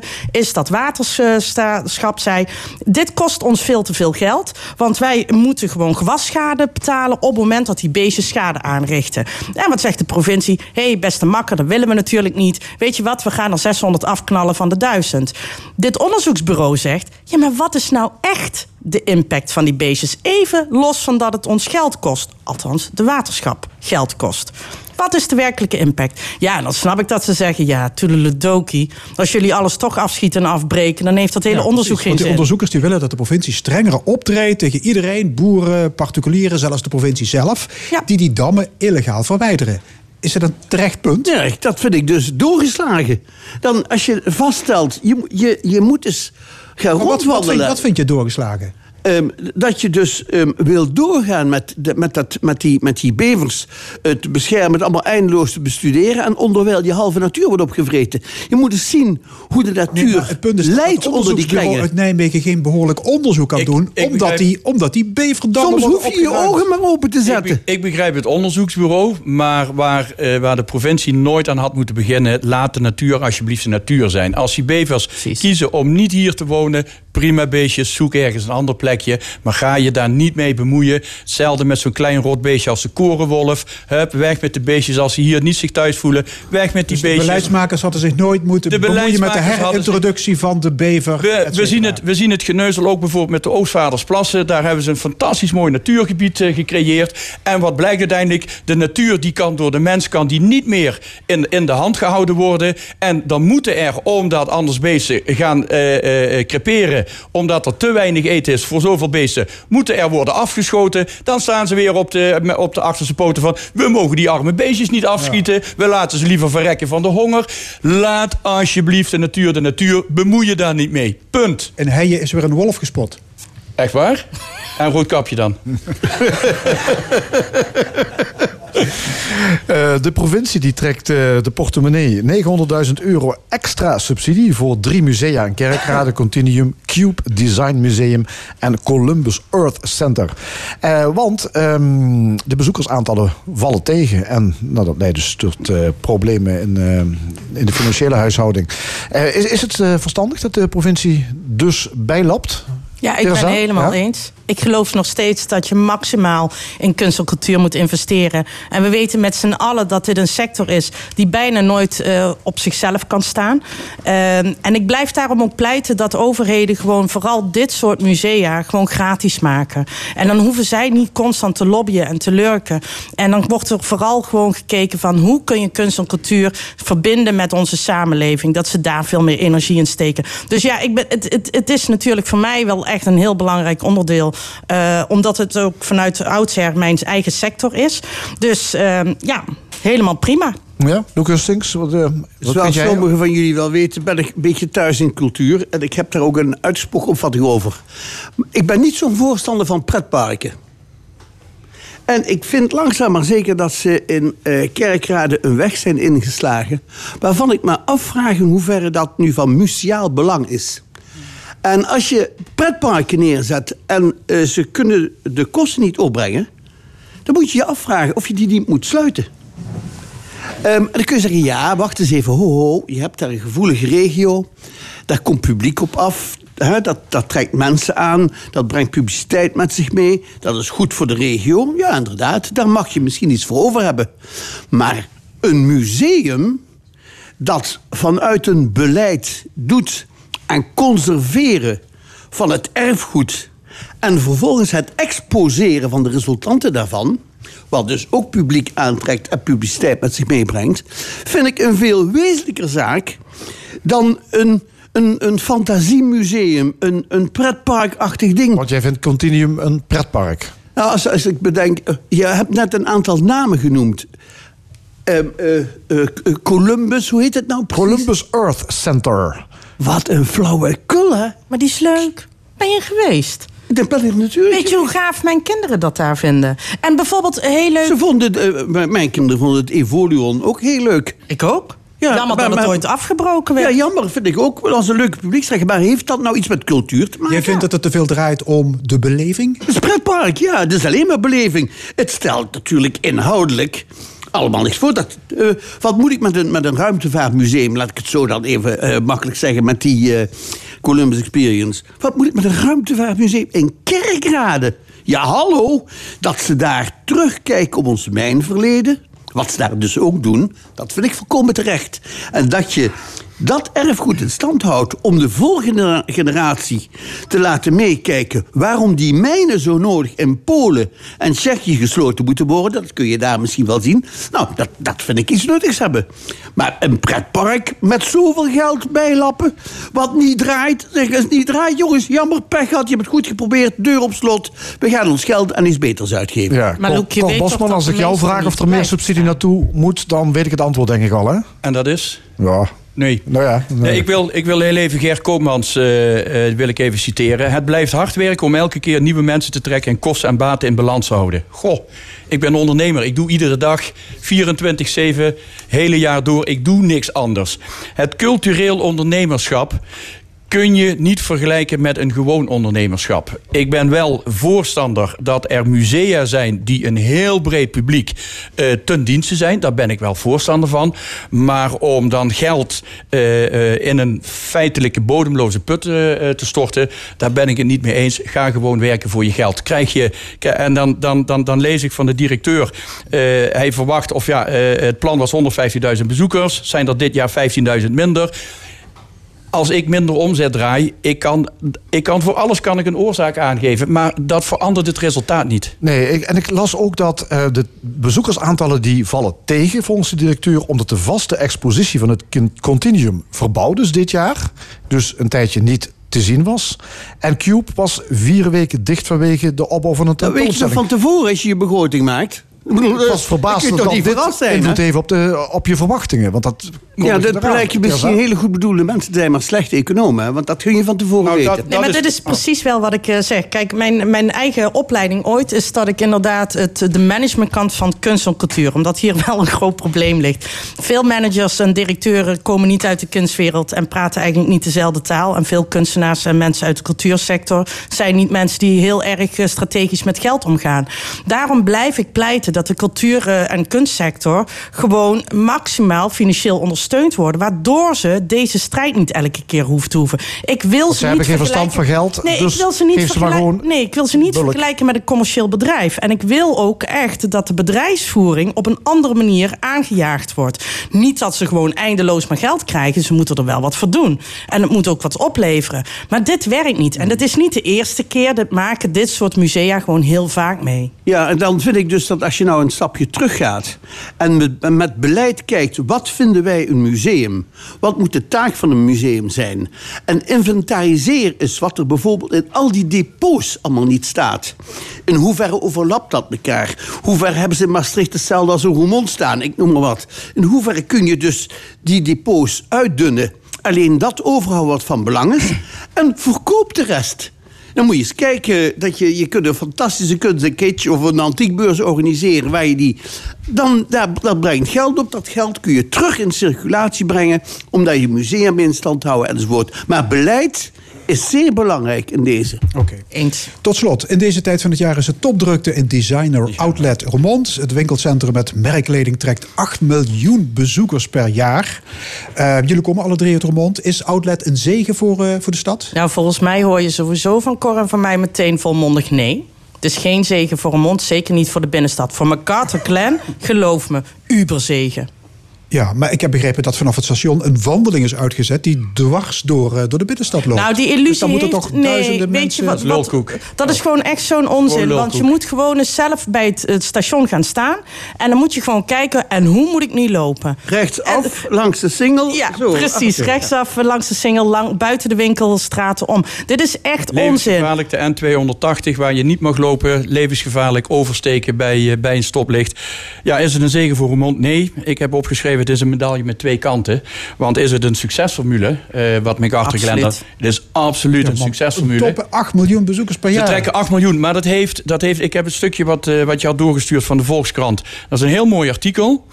Maar dat geeft dus precies aan eh, eh, eh, hoe, het, hoe het werkt. Want eh, het Designer Outlet Center is een dorp wat aan Roermond geplakt is. Voor hetzelfde geld als gemeente Venlo destijds wat slimmer was geweest. Dan had het in Venlo gelegen. Eh, Designer Outlet Center, dat ligt in Roermond. Dat hebben ze te Nee, danken aan maar, Josserij. maar, maar veel mensen vinden dat fantastisch. Veel mensen Er wordt gesproken van het Las Vegas van Nederland. Ja, maar Er vuurwerkshows. er staat een gigantisch reuzenrad. Joekels van kerstbomen. Ja, mag ik wel heen Reactie? voor. Ik moet een reactie geven over die zogenaamde vuurwerkshow. Want wij gingen ook vol, vol spanning kijken. En het waren er letterlijk drie poefjes de lucht in. Mijn kinderen hebben daar naar me staan kijken van... mama, komt dadelijk nog de echte show? Ik zeg, nou, volgens mij heeft MacArthur Glen... is nu gewoon echt in zijn knuisjes aan het lachen van... drie poefjes.